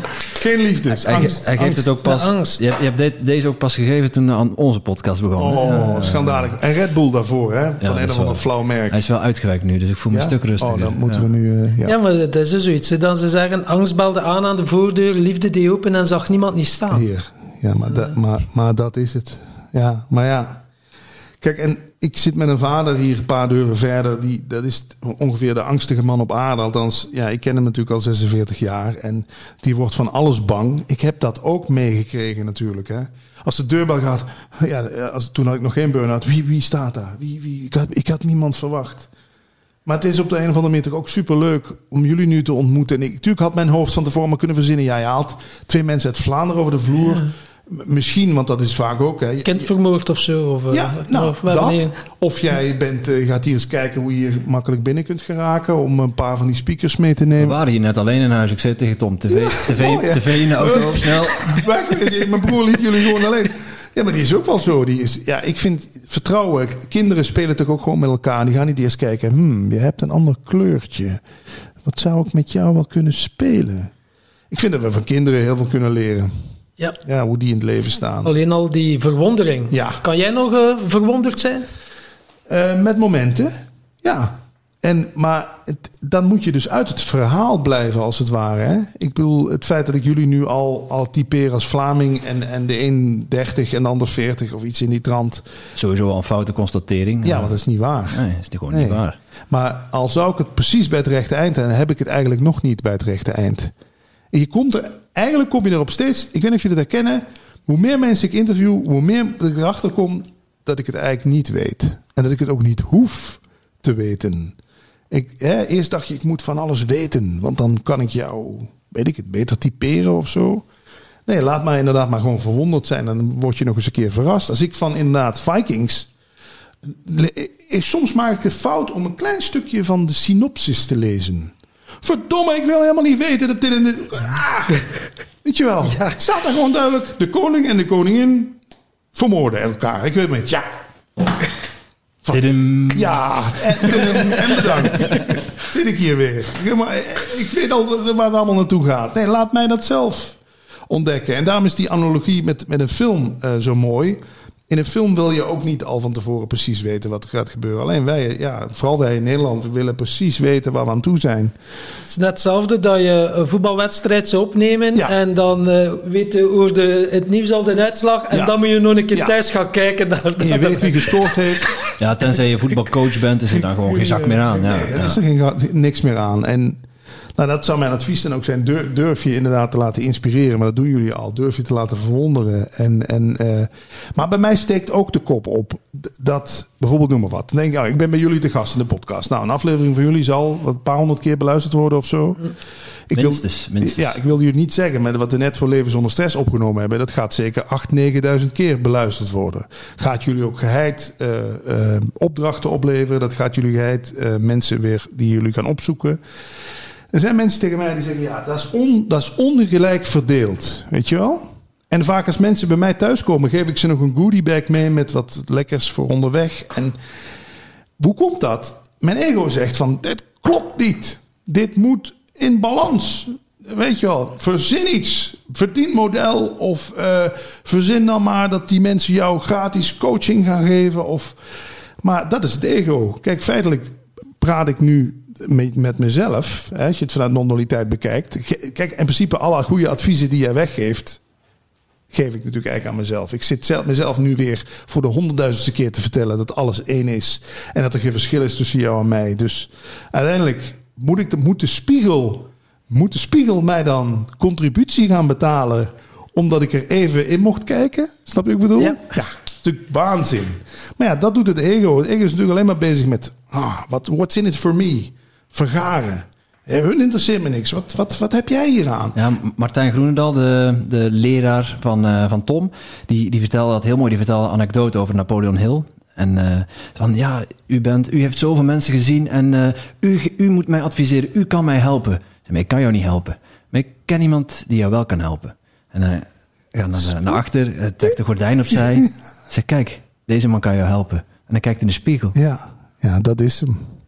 Dat is, ik- en uiteindelijk ja, denken we wel dat je een Michael Pilarczyk of een Thijs Lindhout of wie dan ook nodig hebt. Kijk, uiteindelijk is, wordt wel eens gezegd in, in spiritualiteit: je hebt een doorn in je voet. Je hebt even een andere doorn nodig om die, om die doorn eruit te wippen. Maar daarna gooi je de doorn weg. Dus ik, ik ben ook eens bij zo'n event van Michael geweest. Ik kan zien wat het doet. Het is een soort kickstarter voor iets. Het heeft bij jullie ook heel veel in beweging gezet. Maar het zou toch wel raar zijn als ik jullie over vijf of tien jaar spreek... dat je nog steeds Michael Pilarczyk nodig hebt om jouw eigen ding te doen. Dat is toch, dan blijf je met zijwieltjes rondfietsen. Ja. Eh, elke Ja. keer neem je iets, bijvoorbeeld bij jou, eh, de podcast met Jan Geurts. Jan Geurts zei van, vroeger was mijn leven volledig ingericht om geen pijn te moeten voelen. En dat resoneerde zo hard bij mij, want ik kon dat nooit in de juiste woorden. Ja. Maar dat was Zei Jan elk, dat? elk Ja. woord, elk woord voelde ik. En ik dacht van, wauw, ik kan het niet beter Ja. omschrijven, maar dat is ook wat dat mij typeert. En zo krijg je dan weer een ander perspectief en inzicht. En zo heb ik dat regelmatig, iets dat je hoort. Sommige woorden komen dan zo diep, dat je zegt, ja, ja, Ja. dat is het uiteindelijk. eh. Napoleon Hill, ik vind, ik vind het, een- een- dat is voor mij is dat de grondlegger van, eh, van de persoonlijke ontwikkeling. In die zin, nee, 1900, begin, begin jaren Eerste 1900, Wereldoorlog, Think ja. and Grow Rich geschreven in 1937. Ja. Ehm, en daar staat in, alleen toegepaste kennis is van waarde. En Ja. dat vind ik toch van zo mooi. Want we hadden het net over, je kunt ook overdrijven in, in persoonlijke Ja. ontwikkeling en uit de bocht vliegen en dat is stom, hup, vier banden plat. En uit de, ja, op een gegeven moment Nee. ben je alleen maar aan het consumeren, consumeren, consumeren, consumeren. Maar als je maar één, één klein dingetje toepast van wat je, wat je ergens in leest of leert, dat kan heel je leven veranderen. Dat is het precies. Dat noemen ze wel eens, heb je het doorleefd? Hè? Is, het, is, het, is het belichaamd? Is het woord vlees geworden? Heb ik ook wel eens iemand horen zeggen. Oh. En het kan weer een vlucht zijn, hè? ook non-dualiteit. Je denkt, ik wil alle non-dualiteit boeken op de wereld lezen. Ja, het is eigenlijk uitstel van executie. Want overal vertellen ze je ongeveer hetzelfde. Maar je denkt, nee, ik moet toch nog dat volgende boek. En dat heb ik met die interviews ook wel gehad. Ik dacht, nee, ik moet toch nog weer eens iemand anders gaan interviewen. Want Lekker dat, op Tinder. Next. ja, nee, dat is het. Swipe, swipe, swipe. Spi- dat noemen ze een soort spirituele bypass, noemen ze dat ook wel. Hè? Is, is natuurlijk iets waar je... Maar uiteindelijk was dat, heeft dat ook wel weer inzichten gebracht. Dus ja, ik, ik, ik weet ook niet hoe ik het verder moet, eh, moet uitspitten. Ik heb wel een cadeautje voor jullie. Kijk eens. Het Nee. boek Leven zonder leven stress. zonder stress. En niet één, maar twee. Twee, kijk eens aan. En ik eens moet aan. ze zelf kopen bij de uitgever. Dus mijn ego zegt nu... Je gaat toch niet je boek zomaar weggeven? Tuurlijk ga ik mijn boek weggeven. Als je wil dat ik er iets inschrijf... Ja, dat vind ik wel Ja, tof. zeker. Dankjewel. Doe ik dat? tof zijn. Een nuchtere gids voor geluk. Ja, het leuke aan dit boek is... Als ik er een beetje reclame voor mag maken... Zeker. Als jij in een, een burn-out zit... Leven zonder stress is vooral bedoeld... De podcast, maar ook het boek als geruststelling. Want er is al, zo, er is al je hebt al zoveel van jezelf gevraagd. Hè? Mag, mag je eens even pauze nemen? Mag je eens even... Gun je het jezelf op de bank te liggen... en eventjes pas op de plaats, weet je wel? Ja, dat mag. Maar tenzij je heel dringend naar de wc moet, Dan moet je dan moet opstaan. is deze podcast eigenlijk nog niet voorbij.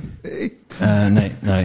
Jij dacht toch niet dat we dat je met, met een oh, uurtje, met, rustig met verder. 16 Nee, minuutjes nee, vanaf maar kwam. hè? ik- ik- Dat, ik- eh, dan is het zocht goed. Dan is even het een- goed. Dan is het goed. Ik zocht even een escape, want ik wist het zelf niet meer. Ik vroeg mij eh, af, omdat je het zelf niet meer weet. eh, kan jij genieten van niks doen?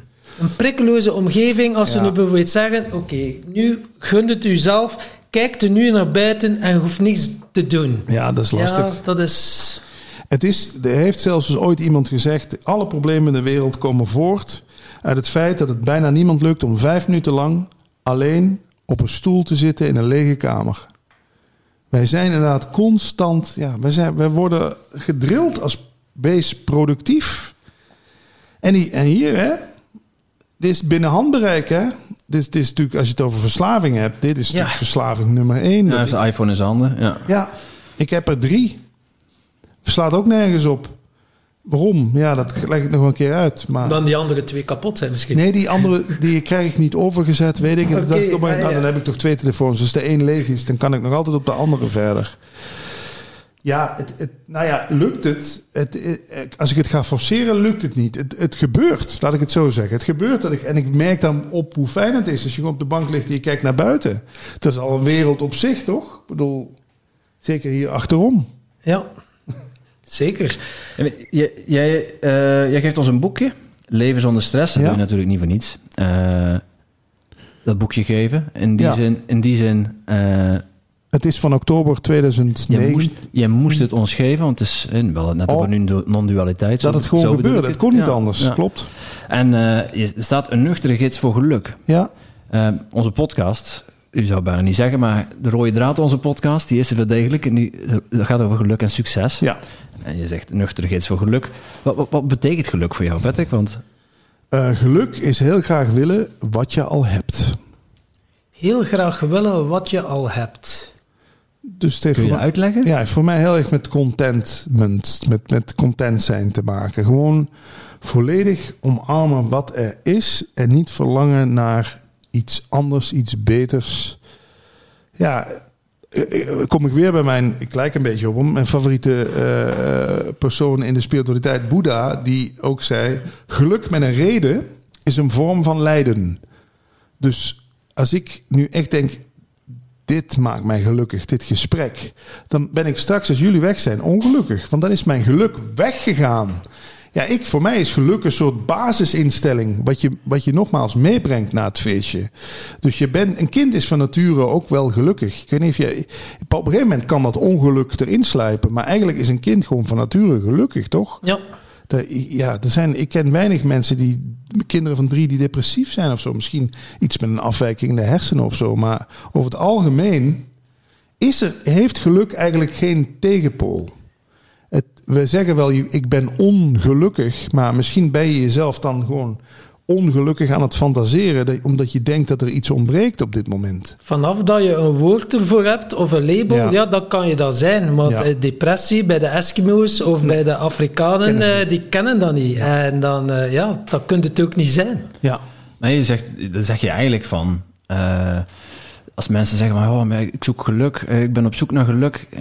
Stop maar met zoeken, je, hebt, je, bent het al. Ja, het is, het is- Je hebt het niet meer, je, je bent het al. Je bent het, ja. Geluk, geluk eh, ik bedoel, Alexander Smit, zo'n man die ik ook vroeger graag luisterde, hij leeft helaas niet meer. Die zei altijd, je kunt onmogelijk gelukkig worden, je kunt alleen gelukkig zijn. Weet je wel, ge- geluk is, is, geluk is de afwezigheid van het zoeken naar geluk. Ja, het, is, het klinkt eigenlijk allemaal zo logisch als wat, hè? Eigenlijk wel. eh. Het is dichterbij dan wat. We, we rennen toch, het is het beroemde verhaal met die wortel aan die stok. Hè? Je rent achter die wortel aan, maar je krijgt hem nooit omdat je aan het pakken bent.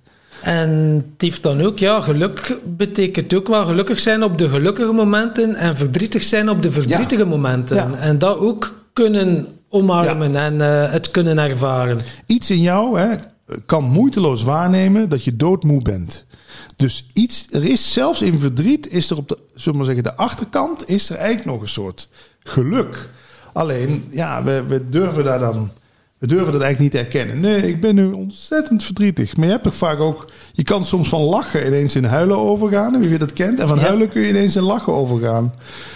Er is denk ik in iets ons, iets wat gewoon alles waarneemt zonder er een oordeel over te vellen. Dat, daar kom je op een gegeven moment wel achter. Dat dat toch.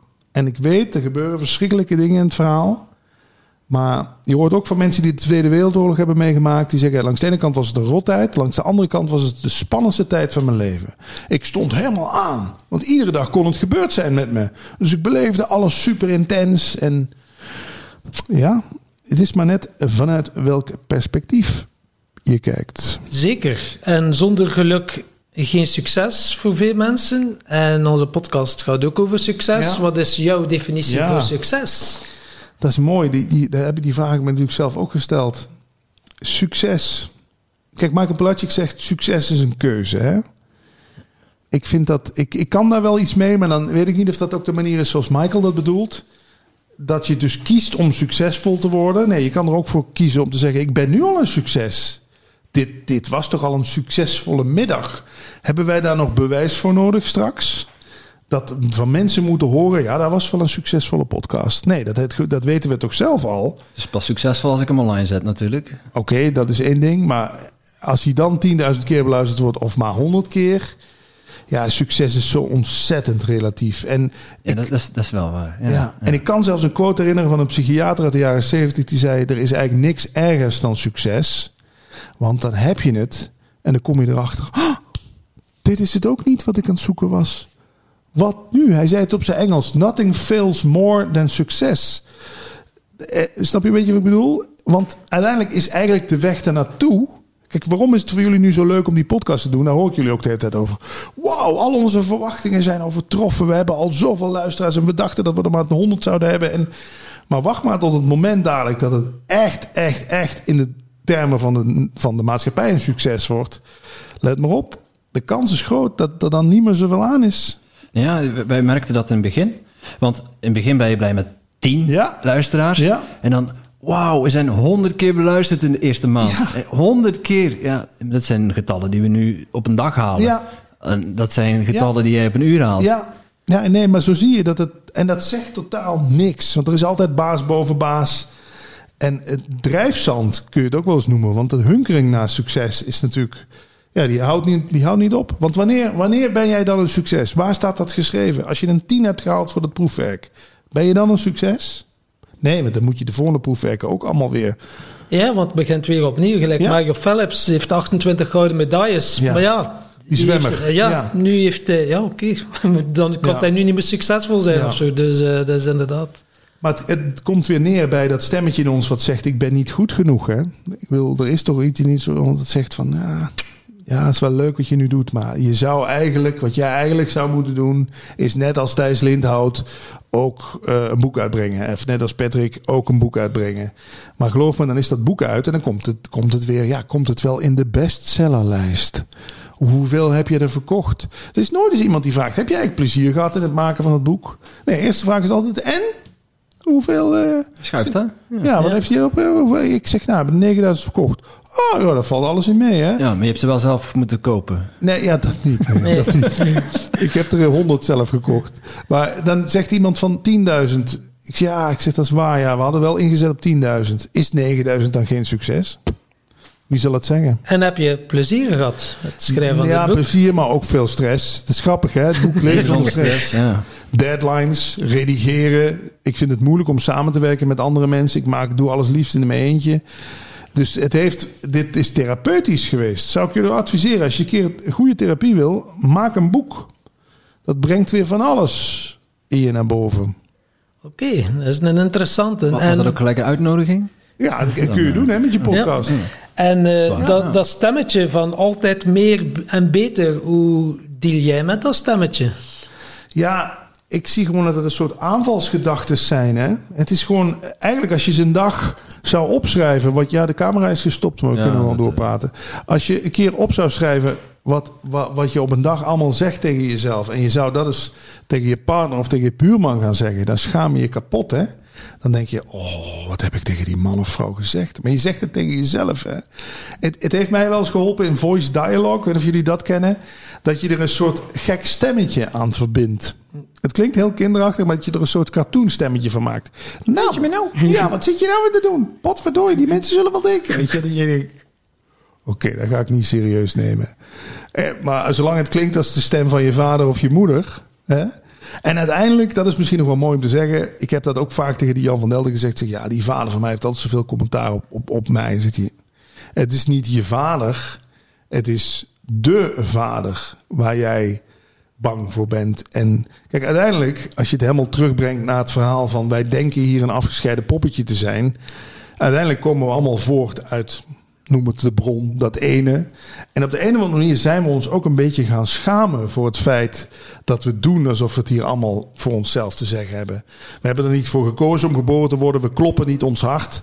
We, we, we groeien niet ons haar. Heel veel dingen gebeuren allemaal automatisch. Maar we zijn er als de kippen bij om te zeggen: Ha, ik ben de kampioen. En eigenlijk diep van binnen weten we dat het eigenlijk een soort. Het, het zeg je wel eens, het ego is de clown die het applaus voor de acrobaten in ontvangst neemt. Dus, dus we weten op de een of andere manier dat we de boel een beetje voor de gek zitten te houden hier. Hè?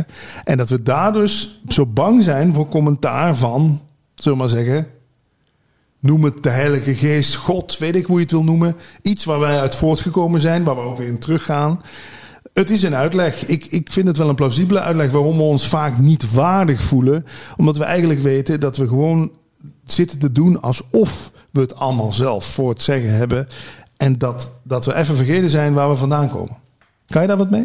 Daar kan Misschien. ik... eh, Ja, Misschien. Ga je over nadenken? Misschien ook niet. Ja. eh, Nee, dat hoeft ook niet. Het zijn, het zijn wel zware dingen het- natuurlijk. ja, ja, zo kun je het zien. Soms moet je dingen even laten landen en Ja. laten bezinken. Het is ook een hele, hele lap tekst. Misschien kunnen onze luisteraars er al meteen iets mee. Ja. het is, weet je, niet voor niks in al die. Daarom vind ik dat in Vikings zo mooi. Hè? Die serie komen er weer op terug. Waar ze al die rituelen hebben van offers. En hè, de, de vikingen die aanbeden hoeveel goden wel niet? Odin en Thor. Odin, Freya, Frey, Ja, ja, ja. Thor. Ja, nou dan komt natuurlijk de, komt de christelijke geloof om de hoek. Die hebben dan nog maar één God met Jezus als enige zoon. En hoe we toch... Ik zie heel veel raakvlakken naarmate ik veel spiritualiteit onderzoek in toch al die religies. Van zelfopoffering en, en al die rituelen. Dat daar toch... Daar zit wel een kern... Ik denk dat daar wel een kern van waarheid in zit. Alleen, we hebben daar iets van gemaakt. Ja. Je gaat maar naar de kerk en je komt nog schuldiger naar buiten dan voordat je naar binnen ging. En misschien zit daar wel de kern van waarheid. Want wat, wat, wat mij opvalt, en dan vooral in zo'n van die historische series, is dat het, het bindt mensen. Ja. En het, het unites. Ja? En eh, wij horen bij die club. Ja. Wij horen bij die club. Aan de kant zie je die vikings ook wel elkaar de kop inslaan. Ja, ja, Ehm, maar ja, het, het verenigt. ja, absoluut. En het zorgt er ook voor dat je binnen bepaalde normen en waarden dingen gaat doen. Ja. En dat je bepaalde dingen normaal vindt om te doen. En dat bepaalde dingen van je verwacht worden. Je hebt richting. Ja, En het is een heel mooi sturingsinstrument, ja absoluut. religie. Ook om mensen eronder te houden. Maar misbruik Ja, eh, ja. loert op de hoek. Ja, de kerk eh, creëerde angst. Ja. En naar waar ging al het geld? Ja. Naar de kerk. Nu, farmaceutische industrie creëert de angst. Naar waar haalde geld? Ja. Naar de farmaceutische industrie. Dus eigenlijk is de kerk gewoon vervangen door de farmaceutische Ja. industrie. Ja. Zo simpel is het. Ja. En er wordt ook wel eens gezegd dat bijvoorbeeld persoonlijke ontwikkeling of spiritualiteit gewoon de nieuwe religie geworden is. Hè? We zoeken toch allemaal duiding en richting in het leven. Er is toch. Hè, Michael Pilatschik is dan eigenlijk de priester van, van, van de moderne tijd. Want de vroegere priesters zeiden je ook eigenlijk wel van: doe dit, doe dat, ga zus, ga zo en ga heen. Dus Ja, ergens zegt hij van, doe, eh, doe vooral zelf wat je wil. Maar hij zegt ook wel, doe vooral Ja. zelf wat je wil. Dus- start, ja. begin. Ja. Ja, ga ontdekken Ja. wat dat je graag Ja. wilt. Wat de eerste keer als ze mij die vraag stellen, waarom doe je wat je doet? Bah, Ja. als, je, als je er niet in die persoonlijke ontwikkeling... En het is nu nog een zoektocht. Ja. Echt wel gaan voelen, krijg ik hier energie van? Of kost het mij energie? Ja. En dat helpt wel om te gaan ontdekken wat dat je echt graag doet. Maar ik, En- durf, ik durf te beweren dat Michael ook de goede adviezen aan zichzelf geeft. Want ik heb Michael ook meegemaakt op zijn, in zijn zwachtste periode. Dat hij er een einde aan wilde maken. Snap je ik bedoel? Iemand was hier, wilde er een einde aan maken. Roept tien jaar later, leef je mooiste leven. Zie je, zie je het verband? Hij zegt het ook tegen zichzelf de hele dag. Hè? En dat vind ik zo Dat is zijn mooi. mantra. Ja. Ja, dat is zijn mantra. En dat, dat anderen daardoor geïnspireerd kunnen raken, tuurlijk. Maar kijk maar eens bij al die gurus, Jan Geurts, Jan Bommeré, heb je allemaal gesproken, Michael Pilarczyk, Tony Robbins. Iets in mij herkent gewoon, die zijn ook zichzelf de hele dag aan het hameren. Oké, je weet het nu, je weet het nu. Je hebt zelf die pijn gevoeld Ja. en ervaard. En nu Ja. heb je zoiets, oké, gasten, je moet, je moet zo diep niet gaan als mij. Ja. Het kan ook anders. het hoeft niet. Maar je moet wel eerst zelf in die diepte hebben gezeten voordat je het kunt verkondigen. Ja. We are all walking each other home. Dat zei Ramdas. Zo'n, ook zo'n guru die niet meer leeft. En dat is toch... We, uiteindelijk is dan toch de weg naar huis iets is... om het maar even zo te noemen... waar we allemaal zo naar verlangen. Ja.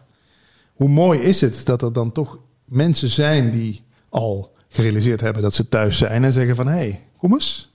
Je bent al thuis. Weet je wel? Je, je hoeft niks meer aan jezelf te verbeteren, toe te voegen. Tuurlijk, het mag in het spel. Je bent hier niet voor niks. Maar realiseer je dat je in de basis al oké bent. Dat vind ik wel. Dat je ook, jullie zijn volgens mij ook niet vanuit een tekort aan persoonlijke ontwikkeling begonnen, toch? Dat er iets aangevuld moest worden. Nee? En, en het is ook niet dat, je, dat ik iets moest verbeteren. Nee, Nee? verbreden misschien. Vooral doen. Vooral toepassen. In actie komen. Mij was het wel de crisis. Een zware bore-out en een alcoholprobleem dat er wel voor zorgde van... Is dat je wat ik hier nog Ja. ga doen met de rest van mijn leven of ga ik het anders invullen? Ja. En zo is het wel op mijn pad gekomen. En, eh, maar ja, het is ook wel een blijvend proces, hè, uiteindelijk. Ja, eh. ja. Verlichting is geen eindpunt, maar een startpunt, zeggen ze ook vaak in spiritualiteit. Dan begint het eigenlijk pas. Jullie hebben volgens mij ook gewoon door Brian Tracy, wie dan ook de eerste was, een soort spark, hè? Ja, bij mij, Ja. Was, bij mij was het Brian Tracy, ja. ja dus, Wat zei dat, die precies? Dat ene zinnetje... Tenminste, ik had het boek gelezen. eh, niks meer gedaan, in de kast gelegd. Een jaar later, nog een keer gelezen. Hm? En ik zei, ja, maar ik heb dat boek nu gelezen, maar ik heb eigenlijk niet, niet echt toegepast. Hm? Niks mee gedaan. En er stond een zinnetje in, als je veel in de auto zit... en je auto is eigenlijk een rijdende eh, universiteit... luister eens naar podcasts, luisterboeken. Ik ben naar podcasts beginnen luisteren. En ja, Ja. Dat, dat ene ding, Ja. die ene spark... heeft ervoor gezorgd dat ik Michael Pilastik ben beginnen volgen... eh, al zijn boeken heb gekocht, Ja. al zijn podcasts geluisterd... Naartoe seminars bezocht. ja. Ja. nu heb je dat ook niet meer nodig. Nee, Maar op dat moment was dat wel ja. Brian Tracy, dat boekje. Ik zag het liggen. Ik had nog nooit van persoonlijke ontwikkeling gehoord. Ik, ik zag het boekje liggen in de, in de, in de winkel. Welke was dat alweer? eh Eat That Frog. Eat That Frog, ja. En ik, geen idee, maar ik moest het kopen. Ja, ik dat was voel op zoek je. naar een kerstcadeautje voor, eh, voor mijn zus. En ik Ja. zag het boekje liggen. Ik moest het kopen. En Leuk. ja, eh, ik zeg letterlijk heeft het mijn leven veranderd. Maar niet dat boekje, maar door het ene Ja. ding wat erin stond toe Ja. te passen. Ja, duw op een knop. Welk boekje heeft eh, jouw leven veranderd? Hoe is het bij jou begonnen, die persoonlijke ontwikkeling? Ook Wat- wel in die hoek hoor. Nee, ja, Napster kwam op, kan je het nog herinneren? Downloaden. Ja. ja. Toen kwam ik ook, weet je, een vriend van me kwam met, oh, er is zoveel. En ik dacht, daar is alleen maar muziek te vinden. Nee, er zijn ook lectures te vinden. Toen kwam ik inderdaad ook bij een lecture van Napoleon Hill uit. En mijn vriend ging, me- ik moest altijd lang rijden naar de, naar de discotheek om te draaien. Dus die vriend van mij, die ging altijd mee en die had die cd'tjes gebrand. Dus eh, Tony Robbins, Brian Tracy, Wayne Dyer ook. Deepak Chopra. Het was allemaal op Napster te vinden. Eckhart Tolle. Er Dat ging een, wist ik niet. Nee. ja, er ging een wereld voor me open zo. We hebben het over 2002, 2003. Ja, toen dacht ik ook, wauw. Dit, de- denken jullie soms niet eens van... Had me dat dan op de school voorgeschoteld? Ja. Ik heb, toen ik Think and Grow Rich had gelezen, heb ik effectief gedacht van... dit moeten ze op de basisschool... Ja. verplichte literatuur laten de boekenlijst. Ja, ja, ja, Ja. absoluut. Want En misschien... Ook, ik denk ook wel eens van... Ja, misschien is het ook wel niet waar, want... Toen ik twintig was, Ja, had, stond ik, je had ik dat boek open, gelezen. Ja, ik, ik had Brian Tracy's boek ook gelezen en er niks mee gedaan. Ja. En in een hoekje gegooid. Ja. Maar Het is pas als iets verplichte lectuur wordt, Ja. dan ga je er tegen revolteren. dan het. hebben ze iets of rebelleren. Dan dit kun iets- je niemand in zijn gezicht duwen. Dit moet je zelf ontdekken. dat moet je ervaren. Ja. ja. En ook rijp voor zijn, De inderdaad. pijn moet groot genoeg zijn om, om er klaar voor te zijn, ja, denk ik. absoluut. Je moet het zo zat zijn dat je denkt, ah. En dan ineens denk je, oh ja, Nu is het genoeg. Ja. nu, is het- nu ben Ja. ik het zat. Maar heel veel mensen eh, verkiezen toch liever in de coma te blijven. Hè. De mensen, als je vraagt, ja, coma blijven of wakker worden en de pijn voelen, Ja. hebben mensen, maar gaan we coma blijven. Ja. Dus daarom dan ook de ja, alcohol en eh, noem maar op, De en de fastfood, al wat dan verdoving kan zijn. eh, Het is, ik vind de vergelijking met een gevangenis ook altijd wel mooi. Wat veel mensen willen is gewoon de gevangenis een beetje opleuken. Hè? Gouden tralies erin, schilderijtje. Nou, de gevangenis mag wel iets groter. Maar oh jee, weet je wel. Wat? Je wil me vrijlaten? Maar dan moet ik zelf verantwoordelijkheid gaan nemen. Dan moet ik zelf... Want natuurlijk, in non-tijd kun je zeggen... er wordt geen verantwoordelijkheid genomen. Maar eigenlijk ben je op een gegeven moment verantwoordelijk voor alles. Want als ik jou ook ben, ben ik ook op een bepaald niveau verantwoordelijk voor jouw welzijn. Dus ga ik ook voorzichtiger met jou om en liefdevoller. En dat kan ook zijn, inderdaad, door een keer op de pijnlijke plek te duwen. Maar dan niet om iemand expres pijn te doen of zo, maar om iets bloot te leggen of zo. En daarom is volgens mij een liefdesrelatie, het zegt Eckhart Tolle ook, dan ben je constant op elkaars knopjes aan duwen. Hè? Zo van.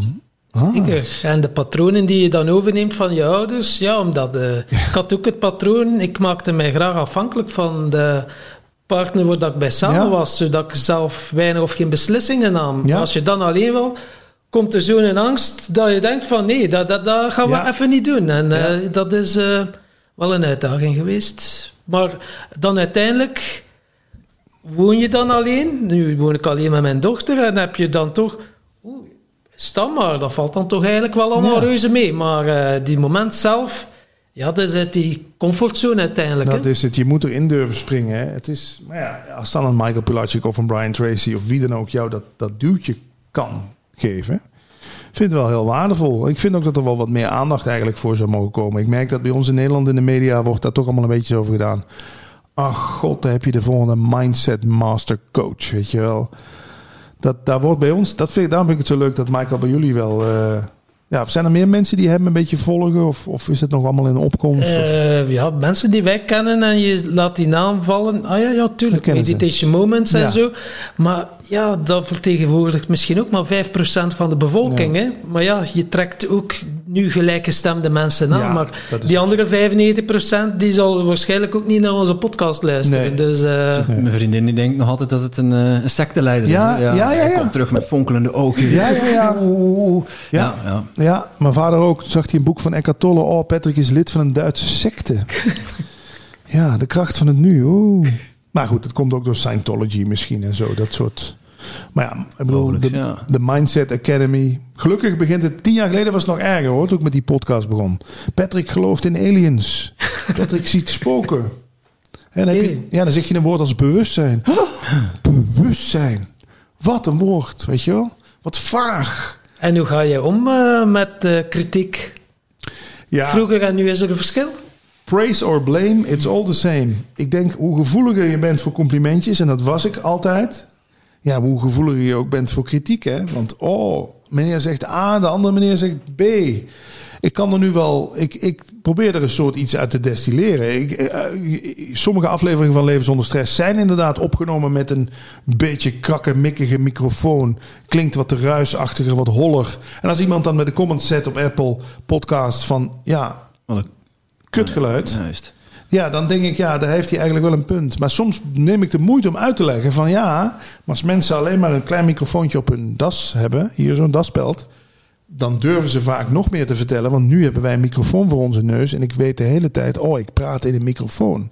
Dus vaak gaat bij mij de openheid van het gesprek voor op de kwaliteit van de microfoon. Ja, en ook de kwaliteit van de dingen die er gezegd worden. Ja, nee, precies. We hebben ook afleveringen gehad waarvan je denkt van... Poef, zou, de ik dat iPad. Wel, zou ik dat wel online Ja. zetten? Ja, die iPad is wonderlijk goede kwaliteit overigens. Maar met een beetje nabewerking. Maar ja, soms is er een, een, een, iemand het gras aan het maaien Ja, bij de buren. Of eh, zijn, ze, zijn ze de hele muur vol met gaten aan het zetten.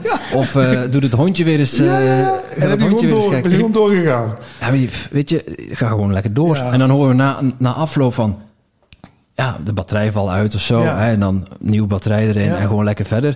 En ja, ik- het is wel verwonderlijk. Het is wel, eh, wel apart om te zien. Van, ja, er gebeurt dit en er gebeurt dat. En jullie blijven zo lekker rustig. Ja. En, ja, we hebben toch ook gewoon een gesprek. Je gaat toch niet boos worden op die grasmaaier... Nee. Om, Nee. omdat wij gewoon aan het praten zijn Ja. zonder microfoon. Ja. Ja. In het begin had ik daar nog wel last van. Mijn perfectionisme stook op. Denk je, hoe kan dat nou? Het is de hele tijd stil geweest. We zetten dat apparaat aan en de buurman begint. En ik hoef persoonlijk... eh, Ik hoef er niet nog eens... Ik hoef er niet naar te luisteren. Ik heb het gesprek gehad. Ja, je hebt hem voor jou. eh, Voor mij ja. is het goed geweest. Ja, Ja. maar dat is ook de manier. Ik denk, hoe meer jullie... Want ik hoor je dat ook wel eens van mensen terug, van luisteraars die zeggen... Ja, maar toen bedacht ik me dit en toen vroeg jij dat. Alsof het gewoon één iets is wat dit gesprek voert. Hè? Ik had dat erg, het gesprek, jij en Peter Snauwaard. Ik dacht, dat was precies dat ik bij zat. Want elke keer die dingen dat ik wou vragen, daar begonnen jullie over. En ik dacht van, Hoe what kan the dat nou? fuck, man. Hoe kan dat Wat nou? is dat? Ja, die staat nog op YouTube en die moet nog op, eh, op, in de audio online komen. Jullie doen geen video, hè? PS Grow, ja, van eh, Peter. Nee, Ja. video... ehm, Waarom niet eigenlijk? dus eh, ja, we hebben een enkele YouTube, maar het was een beetje we, hebben nu, we hebben nu een half interview hè? Ja, dit op video. Je hebt het Maar- eerste uur van deze. Ja. Ja, het, is, het kost me te veel energie. Ja, het is ook gedoe. hè. Dat is het, het korte antwoord. Ja. Het is gedoe en ik hou niet van gedoe. en dan, ja, we, zei, we, hebben het, we hebben het net tegen jou gezegd van Tom die had iemand nodig voor de techniek. Dus dat betekent ook dat ik daar dan voor weer verantwoordelijk te Ja, worden. ik versta ook niet waarom dat wij geen YouTube hebben. Hoe komt Ja. dat eigenlijk? Hè? Ja, dat komt omdat ik daar geen zin in heb. dat te Nee, nee, maar dat is... Ik heb van... Zegt de naam Robert Jensen jullie iets? Ja. Bekende Nederlandse radio- en tv-persoonlijkheid. Nu tegenwoordig zit hij heel erg in de conspiracy-hoek met zijn podcast. Eh, vind ik ook niet erg. Doe lekker waar je zin in hebt. Dat is, dat is met gestrekte benen. hè? ja, die komt ja, ja. flink met een gestrekt been binnen. Eh, maar hij zei ooit tegen mij... Patrick, het gaat er in het leven niet om waar je ja tegen zegt.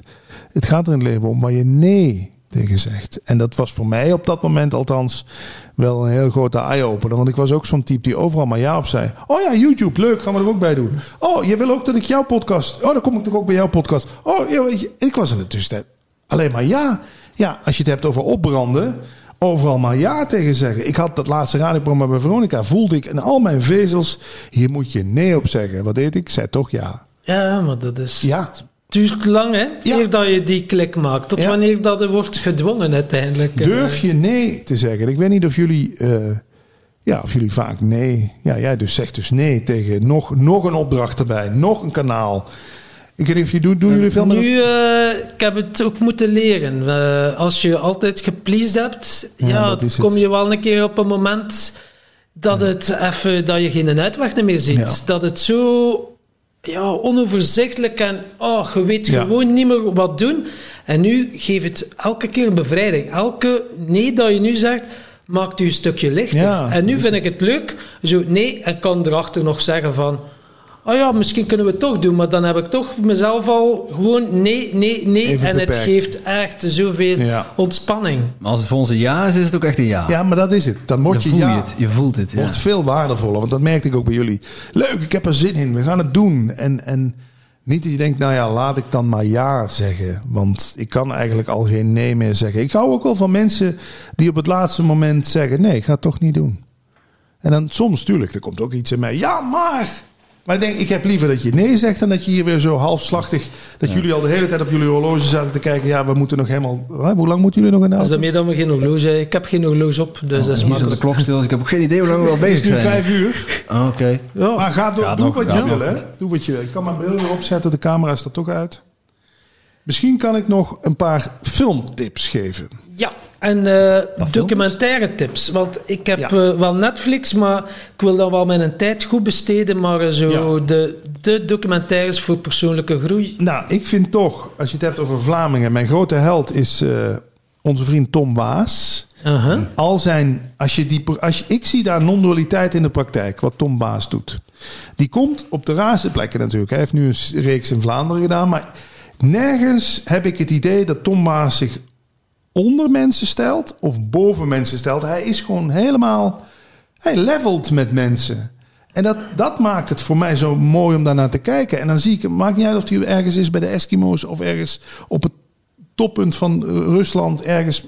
Hij weet te verbinden met die mensen. Hè? Dus, en, ja, dus ik zou alles van Tom Maas kijken. Er was ook nog een andere Vlaming, die kok.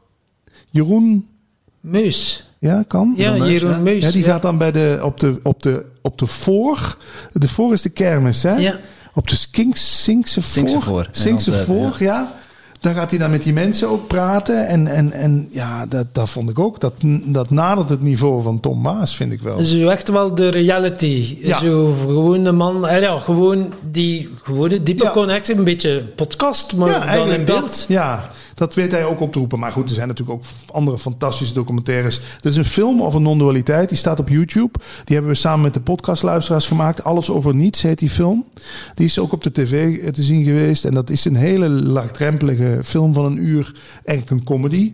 Waarin een beetje dat thema van ben jij wel verantwoordelijk voor alles wat je doet en zegt. Alles over niets. Zo heet die. Oké. En er is er nog een Engelse film, die heet Who is Alice? Staat ook op YouTube, heeft in de bioscoop gedraaid. Het is een beetje de Engelse alles over niets, zullen we maar zeggen. Maar toch met een ander script.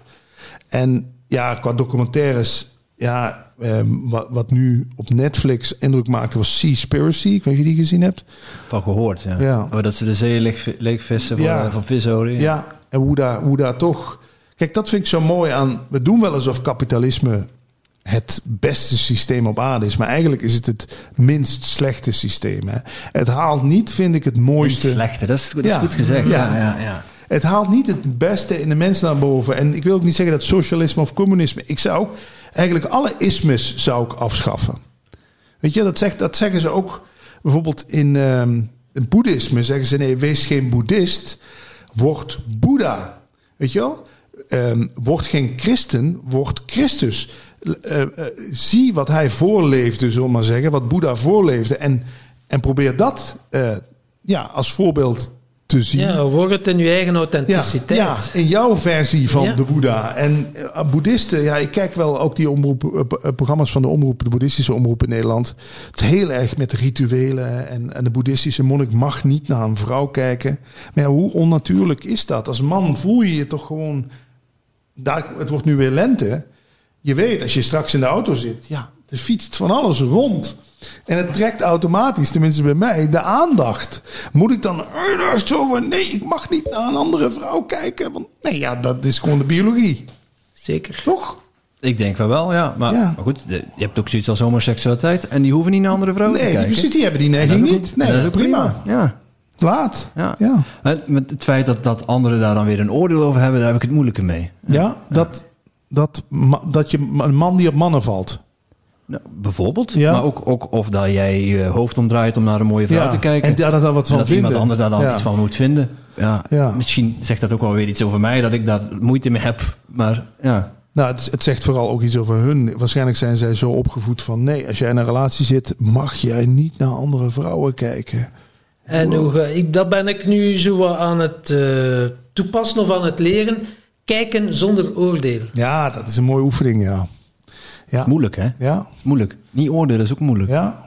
Ja, kijken zonder oordeel. Oké, het mag er zijn. In Ja. al zijn aanwezigheid ook wat dat hij zegt of Ja. doet. Maar er wordt zodanig veel getriggerd. ja. En dan denk ik, oké, dat is dan teken iets, een deel in mij dat nog aandacht nodig Ja. heeft. En ooit zei zo iemand, als je geen vijand binnenin je hebt, dan kan de vijand buiten jou je niks doen. Dat is mooi gezegd, ja. En dat is inderdaad ook waar dat het op staat. Hè? Ja. Eh, want als het triggert, dat is niet die persoon, hè? dat is ja, iets in u, Ja, in uw systeem. ja, het haalt iets omhoog, ja. Nee, ja, dat, dat, is, dat is het precies. Ik, eh, ja, kan ik weinig aan toevoegen. Ja, en pas jij dat zo toe? Kijken zonder oordeel? Nou ja, of, eh, Geen betekenis, dat leren ze in Cursus in Wonderen goed. Hè. Daar heb je, Cursus in Wonderen is eigenlijk een, soort, er zijn ook podcasts van. Dat is voor iedere dag een les om je denkgeest te trainen. En dat is bijvoorbeeld een van de lessen. Niets in deze ruimte heeft betekenis. Kun jij, kun jij in deze ruimte kijken zonder er betekenis aan te geven? Zonder van, dat is een lamp en die staat scheef. Dat is een schilderij, goedkoop schilderij van de Xenos.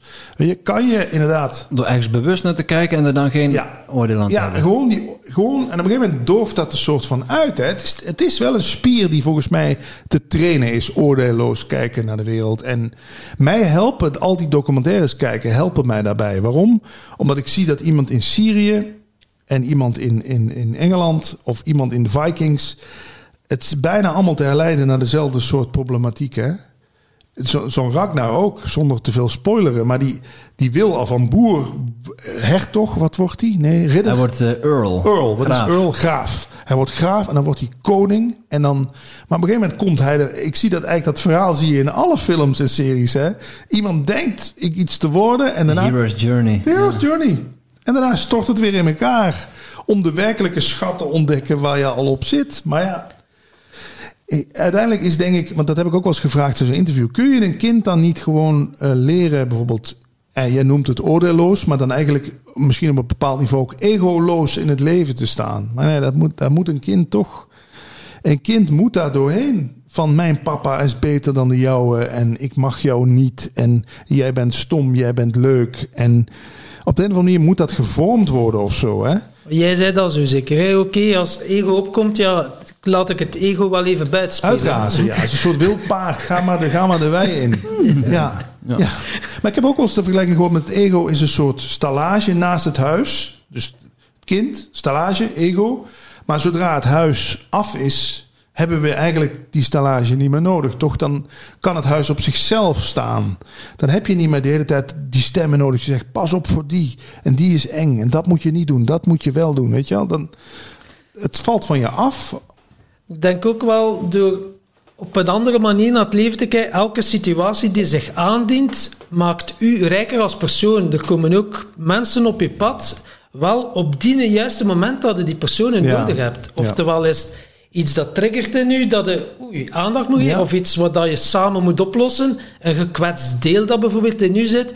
En je komt iemand tegen die ook op zulke Ja. manier is gekwetst, waardoor dat je dat samen Ja. kunt helen. Die, en die, ja, je helpt elkaar dan, dan weer in verder. Hè? Dat is het precies. Ja. En door er op die manier naar te kijken, is het leven wel heel fascinerend. En zie je het niet meer van, "Wallei, waarom moet mij dat overkomen? Ah nee, dank u wel voor de uitnodiging. ja. Ik kan hier terug eh, een stukje heler worden. Ja. ja, de wereld is je grootste. Hè? Het leven is de guru eigenlijk, die jou constant trakteert op, op een, ja, dat noemen ze in, in Cursus in Wonderen dan een uitnodiging tot, eh, moet ik het even goed zeggen? Ehm, is het verlangen, een uitnodiging tot verlangen? Nee, eh, vergeving, dat is hem. Alles is een uitnodiging tot vergeving. In de zin van, het, het, het triggert iets in jou, een overtuiging. Hè? Ik mag niet zo zijn of ik mag niet zo denken. En op een gegeven moment kom je erachter, je vergeeft niet die ander die iets gedaan heeft. Nee, je vergeeft jezelf voor de gedachte, de onware gedachte die je over een situatie had. En dat is ook wel mooi hoor. Echt die cursus en wonderen. Ik, ik, ik durf er niet iedere dag mee bezig te zijn. Want iets in mij zegt nog, als je daar echt serieus mee aan de slag gaat, is er helemaal geen excuus meer voor wat dan ook. Wat je allemaal weer probeert eh, te verzinnen en te verhullen. Maar echt, cursus in wonderen is zo'n richting, als dat je grijpt, dan is er ook echt geen weg, geen weg meer terug. De Edwin Selei is er zo mee begonnen. Ja, is elke dag, mee, ja. eh, die is dikke nu, pil, hè? Ja, die ja. zegt wel elke dag eh, op les, zijn eh, podcast, eh, zit Ja. nu aan. En ik dacht wel eh, begin van de maand om ook wel eens te starten. Het is elke dag vijf minuutjes Ja, ja. uiteindelijk de les. Ja. En dan ga je dat toepassen En in de het- praktijk. Het lijkt heel religieus, maar het is, het is heel praktisch eigenlijk. Het is constant je denkgeest, het denken trainen in eh, te- dat je zelf herkent dat het denken je weer probeert te verleiden, ergens iets van te vinden, iets mee te moeten, iets te verwerpen. Kortom, waar we zo de hele dag druk mee zijn. Hè? Ja, dan Ja, komen we weer uit, uit dat loslaten. Ja, weer. Ja. Ehm, even, we, we hebben, normaal hebben we een vraag voor de volgende gast. Oh. Maar ja, we hebben, die, we hebben die van, eh, van Andy vergeten. Ja. Tenminste, we zijn hem vergeten voorbereiden. Dan stellen we twee vragen aan de Maar volgende ik wou net gast. zeggen, dan laten we wel, laten we wel gewoon twee vragen stellen. Want we willen jou de eer niet ontnemen, Patrick. Dus ik moet een vraag. Zou jij een vraag willen stellen voor onze volgende gast? En dan mag ik nog niet weten wie het is. Nee. We weten het zelf nog niet. Dat is wel een leuk idee. En eh, kun je me een beetje duiding geven? Want het kunnen 101 vragen zijn. In welke Eh, richting? Eh, we zullen u duiding geven. Het mogen zelfs duizend en één vragen zijn. Het maakt geen fuck uit, jong, welke Oh. richting. Het is- het- we gebruiken normaal die vragen om ons gesprek op gang, Ja, eh, snap ik. op gang te krijgen. Maar, eh, Mag Eh, gelijk de diepte ingaan. Hoep. mm, ja, wie ben jij zonder je verhaal? Dat zou mijn vraag Wauw, zijn. dat is eh, van richting gesproken. Ja, als je dat is, Dat, ja. dat is toch dat is de enige vraag die al die gurus in India allemaal stellen. Als we kunnen onthouden in ieder geval. Ja, wie ben jij zonder je verhaal? Wie, want uiteindelijk is alles en iedereen maar een verhaal. Hè? En, en jullie doen je best en ik ook om daar een mooi verhaal van te maken. Maar ja, ik, ja een onbeschreven blad is, zou mijn antwoord zijn dan. Hè? Ik bedoel, ja, uiteindelijk gewoon ben je gewoon het filmdoek waar nog niks op geprojecteerd wordt. Maar goed, dan ben ik het misschien voor Ja. anderen aan het invullen. Elke dag is een nieuwe bladzijde Ja. uiteindelijk. Hè? Je wordt opnieuw geboren eigenlijk iedere dag. Maar ja, wij herinneren ons zoveel van de dag daarvoor. Hè? En welke hoofdstukken ga jij nog allemaal schrijven? Leuk. Maar ik zal een paar, voor, ik zal een paar voorlezen die je al geschreven Ja. hebt. eh. Nou, ik, ik hoop dat er, dat er nog veel ehm, eh, nou, lege bladzijden wil ik niet zeggen, maar dat er wat minder gevulde bladzijden tevoorschijn komen. Ik ben natuurlijk ook altijd bezig geweest om inderdaad dat hoofdstuk vol te duwen met zoveel woorden als mogelijk. Hè? En dat, ja, dat, dat, dat hoeft niet. Ik vind ook, in, daarom vind ik zen zo mooi. Of, of die kunst uit Japan. Dat is gewoon een schilderij, één streep. Weet je, daar wordt een miljoen voor betaald, bij wijze van spreken. Voor die ene streep, dat, hoe kan? Dan denk je bij jezelf, ja, maar er is toch niks aan? Ja, maar die streep is waarschijnlijk door iemand gezet op een moment dat hij daar, die kon daar zoveel in kwijt. Zo. Snap je wat ik bedoel? ja, En de, daarom- daarom vind ik kunst ook. Ga eens naar een museum en zie eens wat, wat vooral abstracte kunst met je kan doen. Dan kom je er wel achter dat het niet gaat om dat hele canvas helemaal vol duwen met mensen en, en portretten en landschappen. Nee. Dus voor mij zou dat boek, dat hoofdstuk, zou, eh, daar ben je snel doorheen. Ja, en bijvoorbeeld in, Leuk ges- blad, ja. in gesprekken ook bijvoorbeeld de, de, de stilte toelaten. Ja. Dat vind ik fucking moeilijk, joh. Is het dat ook? is eh, voor mij heel eh, lastig. Ik weet niet op welke knoppen dat er Ja. allemaal wordt gedrukt. Ja. Hoe doe jij dat? De stilte toelaten of eh, mee omgaan? Eh, voor mij is, is ja, de, de meditatieve momenten zijn bijvoorbeeld afwassen. Ik heb bewust dan mijn vaatwasser eh, stuk laten gaan. Gewoon met je handen dan dat sop. En, en je kan dat met een appel eten, kun je dat ook hebben. Hè? Als je echt bewust een appel eet, dat is een sensatie. Maar eigenlijk ben je dan... De, de, je ontdekt de stilte in jezelf. Hè? Kijk, met mensen, we denken vaak dat stilte moet zijn niks. Hè? Dat is ook fijn. Maar eigenlijk de stilte. Er zijn dus mensen die die stilte helemaal in zichzelf ontdekt hebben. Die kun je op een druk kruispunt neerzetten. Met toeterende vrachtwagens. Mensen die aan het boren zijn in de weg. Die laten zich daar niet door raken. Die zijn verstild. En ik kan je wel een paar linkjes sturen naar documentaires die dat met mij doen. Ik heb een paar documentaires, die hoef ik maar aan te zetten. En dat had ik dus vroeger met Eckhart Tolle. Daarom was ik er ook zo verslaafd aan. Ik hoefde Eckhart Tolle maar te zien en ik was verstild, weet je wel? Omdat hij dat, hij straalt dat uit, die verstilling. Hij is dat helemaal geworden. En dus dat zou, dan als je het hebt over een oefening, als, als je van iets of iemand verstild raakt, ja, gebruik het dan nog maar even zo lang om bij jou die verstilling op te roepen. Ja, eh, een van onze vorige gasten, ik geloof, geloof dat Stefanie, Stefanie Reinhardt was, die, eh, die zei dat ook van Eckhart Tolle. Ja? Die in, in de auto, ik denk dat zij het was, van in de auto opgezet naar Frankrijk. Ja. En het was eh, twee keer met de ogen knipperen en, eh, Ja, en zo was het, prachtig ja. hè? Ja, dat was net tijdens de lockdown, dus er waren geen auto's op door de straat. En dan heeft ze tien uur eh, Eckhart Tolle Oh, geluisterd. ja, dat ik- was een, een sensatie, zei ze. Ik snap het. Route 67. eh, Ja. Je komt echt in een soort, ja, stil. Eigenlijk had hij gezegd, heeft het ook over stillness speaks. Zo heet een van zijn, eh, zijn talks, kan ik me nog herinneren. Maar ook daarmee opletten, het kan ook verslavend worden. Hè? Want waarschijnlijk heeft dat op stap gaan voor jou. En dat, en dat die drugsgebruiken bracht jou waarschijnlijk ook verstilling of zo. Ja, in een staat, in het moment zijn. Ja, en zo, helemaal. oh, Verdoving. graag Ja. gezien worden Ja. en zo, wauw, die, Ja. die happiness. Ja, als je een ecstasy was, wauw, dan ging Ja. een nieuwe wereld open. Maar ja, daarna, alle dopamintjes die je dan gebruikt Ja. hebt, geleend hebt, eh, was wel even Dan op, afkicken. hè? Dan, Ja. eh, Dus, maar aan spiritualiteit kun je ook verslaafd raken. Dat heb ik met Eckhart Tolle wel gemerkt. Want ik had dat ook. Dat ik, ik zat dan alleen nog maar te kijken, te luisteren en alles. Als ik op Marktplaats een dvd-box vond die ik nog niet had... Hup, in de auto naar Leeuwarden. Sjoep, mijn nieuwe shot Eckhart Tolle halen. Hè? ja. Dus de- ja, voor een tijd is dat fijn geweest. Maar uiteindelijk moet je... Die, je moet niks, maar die, het zou fijn zijn als je die verstilling gewoon kan opwekken... door inderdaad naar een boom te kijken. Maar Eckhart wijst daar ook de hele tijd in zijn lezingen naar. Je hebt mij niet nodig om... Maar ja, Ja. En wat was jouw vlucht dan? eh daarvoor? Omdat je Eckhart Tolle nodig had om ergens voor te vluchten? Bij mij was liefdesverdriet. Ik kan me het herinneren, het was zo'n beetje 2004. Toen had ik echt eh, flink gebroken hart. En ik merkte, als ik dan Eckhart Tolle luisterde... dan was dat liefdesverdriet weg. Hoe kan dat nou? Ah, hij kan mij op een plek brengen bij mij van binnen... waar het rustig, kalm en liefdevol en geen pijn is. Het is toch weer die pijn waar je voor op de vlucht bent dan, hè? Was dan die Eckhart Tolle ook een soort verdoving? Of heb je het dan ook... eh, Ja, maar in ieder geval een, een verdoving die nog een soort extraatje bij zich Ja. had. Namelijk ook een soort verdieping.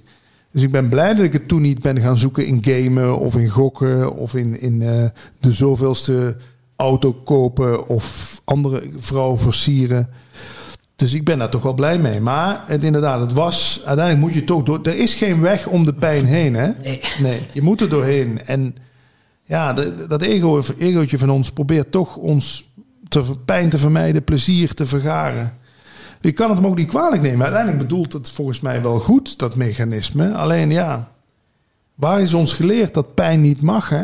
Ja, en uiteindelijk als je de vraag stelt, wat is nu het ergste dat kan gebeuren om je angst en je pijn toe te laten? Ja. Uiteindelijk, ja, je wordt wat onrustig, hè, maar veel erger wordt het niet. Hè? nee. En maar ja, het is soms als het gevoel het je overneemt, dan is er geen weg meer Ja. terug. Dan zit in die emotie op, dan wil je eten, schransen, Ja, doe maar het op precies, en dan ben, ja. je, dan ben je weg. Ja. Maar als je het toelaat en je kijkt ernaar als aanwezige toeschouwer van... Oké, pijn jongen, wat, wat is die? Ja, jongen? kom maar. Kom maar, ja, kom maar. Het is zo voorbij, hè, Ja, vaak. uiteindelijk is het zo. Lijden ja. of lijden. En dan je Ja. kunt het twee manieren schrijven, maar Ja, nee, maar dat is het het is echt. sowieso afzien. Ja. Maar ja, goed, jezelf dat ook weer niet kwalijk nemen. Het is ook maar gewoon, het is logisch dat je vroeger als kind, had je, mocht je vroeger als kind bijvoorbeeld pijn lijden? Nee, want dat bracht je moeder of vader ook weer bij hun pijn.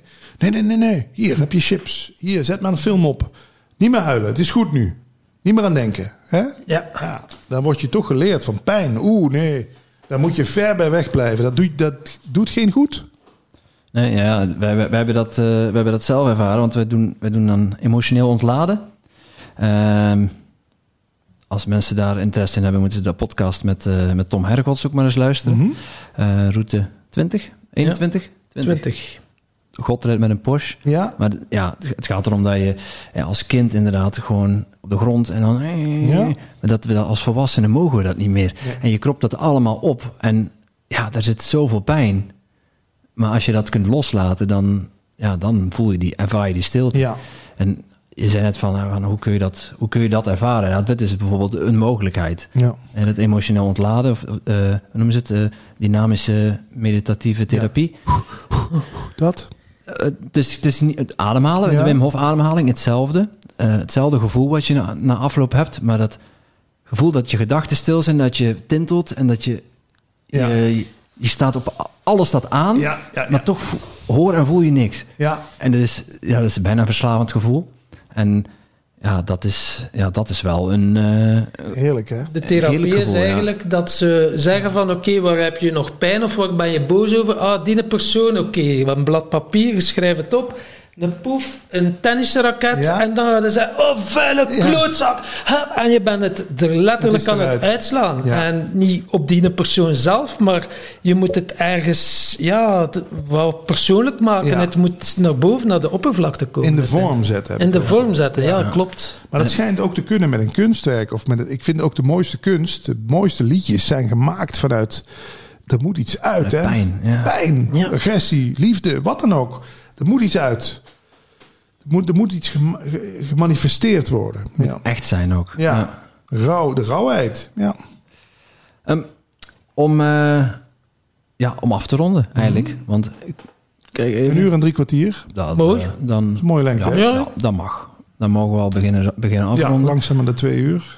Dus, eh, dat is net... Dat is Even een- kijken, ja, daar redden we nog. Ja. We eten meestal kwart voor zes. We hebben nog twintig minuutjes. Ja. Hij is aan het kijken hoe lang de action nog open is. eh.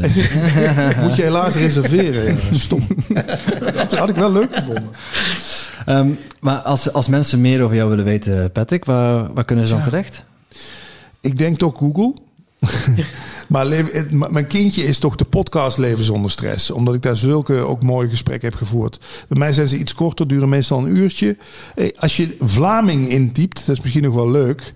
Ik ben een van de weinigen die dan ook echt erbij zet. Ik ben in gesprek geweest met een Vlaming. Dan kom je al vrij snel de, ongeveer de tien Vlamingen die ik gesproken heb voor Leven zonder stress. Dat zal ik bij jullie ook erbij zetten. Omdat ik het toch gewoon... eh, ik heb in Vlaanderen toch veel wijsheid ook eh, kunnen ontdekken. Het zit wat verstopter. Hè? Maar als je een beetje je best doet, is het echt, eh, is het echt te vinden. Dus als er nog een tip is van een, een Vlaming dat je denkt...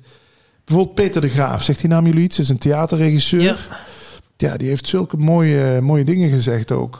Ik ben blij om dat ik hem gesproken heb. Dan kan ik u een tip geven, maar het is misschien best om wat ondertiteling erbij te zetten. Maar dan, God met, rijdt met een Porsche, de Ja. psychiater, Ja. die zou ik dan wel van excentriek figuur, die wel wat te vertellen ga heeft over angsten. Eh, Ja. Dus ik kan dat wel regelen. eh, Oh, we fijn. kunnen dat wel regelen dat hij met jou in gesprek gaat. Met ja. de Porsche. We hebben heel Met veel interessante Vlamingen gesproken. Ja? Ja, ja. Toch Ja, wel? voor jullie is Ook dat... gewoon de normale, de normale mens tot, Ja? Tot, de, tot de multimiljonairs, miljardairs. Ja, cool. Ja. Dat vind ik ook mooi. Ze zijn eigenlijk, we hebben, ik heb nog nooit een podcast gehad dat we na afloop dachten van, poeh, was dat niks. was ruk. Ja. Die gaan we niet online zetten. Nog nooit. Is leuk, hè? Op de een of andere manier kom je ook wel gewoon op elkaars pad terecht, merk ik. Daarom heeft het ook niet zoveel zin om het te forceren. Ik heb ook wel eens mensen aangeschreven van... eh, wil je mijn podcast? Hoorde ik niks. Soms hoor je pas twee jaar later. Is de tijd er rijp voor? Volgens mij hadden wij eerst ook contact, hè? Ergens 2000, weet ik het, 1920. Toen is daar toen niks uitgekomen. En dan komt... Dat vind ik het leuk aan LinkedIn. Dan kom je elkaar weer op het pad. Op het moment dat je jarig bent... dan stuur je gefeliciteerd soms naar elkaar. En dan lees je die tekst. Ja, we hadden toch twee jaar geleden een keer contact. En vaak ontstaat dan weer Ja, ja, zo'n ja, ja. zo'n leuk gesprek. Dus nee, het, het is ook voor mij geen moeten. Hè? Dus als iemand contact wil zoeken omdat iets, weet ik, iets willen weten of een keer iets leuks willen doen, zoek Ja, mij op op LinkedIn. Het is super grappig, want ja, het is het universum wat soms bepaalt. Eh, ik zei net tegen Tom in de auto van, eh, ik geloof niet in engeltjes, maar als de engeltjes in mij geloven, dan is het ook goed. Ehm, maar we hadden, het, we hadden het over jou, over jouw podcast, Ja. eh, Leven zonder stress. En dat is inderdaad al een half jaar geleden, denk ik. En diezelfde week kreeg ik een berichtje van jou op LinkedIn. Van, hey, ik, zag, ik zag dat je, ik zag dat Ja. je een podcast hebt. Ja, En van, hè? Wat, wat, wat gebeurt hier? waar komt dit vandaan? ja, hè? wat gebeurt hier? Ja, dan, we hadden het net over die non-dualiteit. Ja. Nee, ik geloof wel dat het, dat het universum dat je. Kijk, er wordt altijd wel gedacht dat wij eh, een soort de, zelf denken, maar je ontvangt ook gedachten. Hè? Dus het kan best zijn dat jij als een soort van. Dat dat bij jullie opgestegen is in, in, als een soort radiozender. En dat ik het ontvangen heb. Dat, wie zegt ons niet dat wij op die manier allemaal verbonden zijn aan elkaar? Ja. Kort voorbeeld nog. Er zijn onderzoeken in de, eh, in de biologie. Apen ontdekten op een gegeven moment aan één kant van de wereld dat ze. Ken je dat voorbeeld? Ja. Dat ze appel, aardappels gingen wassen voordat ze ze aten. Dat vonden ze lekkerder. En ineens gingen apen aan de linkerkant van de aardbol dat ook doen. Die hebben echt niet met elkaar gebeld, hè? Dat is een soort universele intelligentie. Ineens weten apen, de soort apen weten hoe ze aardappels moeten schoonmaken. En dan wordt wel gezegd, ja, dat is toeval. Maar er zijn ook voorbeelden van, eh dat noemen ze het morfisch veld. Hè? Een hond begint al met de staart te kwispelen op het moment dat de baasje in de auto stapt bij zijn bedrijf. Ja, ja, hoe ja. kan dat? Hoe, zijn die verbonden met elkaar? Hoe, ja, Alles is hier een bron, hè? ja, Uiteindelijk. En eh, het is wel inderdaad mooi, omdat... Ja. eh, ik hou er ook wel van. Ja, mooi is dat. Het, het zijn van die toevalligheden en dan, ja, goh, ja. Hoe noemen ze dat met chic woord? synchroniciteit. Juist, dat was hem. Ja, Yes. Als dat geen mooie afsluiter is. ja absoluut. Nog een laatste uitsmijter, mooie quote die je Ja, wilt delen met onze luisteraars. ehm, dus Too Good To Go app downloaden. Oh, je wil een mooie quote? ja, Ja. met Too Good To Go is een mooie ja, tip, in ieder geval. De Ja. quote is... ehm, eh, het leven is een grote grap, want jij en ik bestaat niet. En dan zeg ik dus niet jij en ik bestaan niet, maar jij en ik bestaat, niet. niet. Dus jij en ik, het, het dualisme, het daar iemand en hier iemand. Ja, Misschien en is ik het maar- bestaat niet. Ja, dat is een mooie. Uh, Zo weer een mooi eh, om te overdenken. Ja, laat hem eens in Mensen die nu de podcast luisteren, die even lekker nog aan het rusten zijn in de zetel, kunnen nog een uurtje nadenken. Even doordenken. Ja, Dankjewel eh, Patrick. Jullie ook. eh, dankjewel. Het Super. was een tof gesprek. Ja. Tijd vliegt weer. Hè, ja. En check ook het gesprek wat ik met jullie heb hè, bij Leven zonder stress. Ja, zeker Zeker, dat gaan we zeker doen. Akkoord.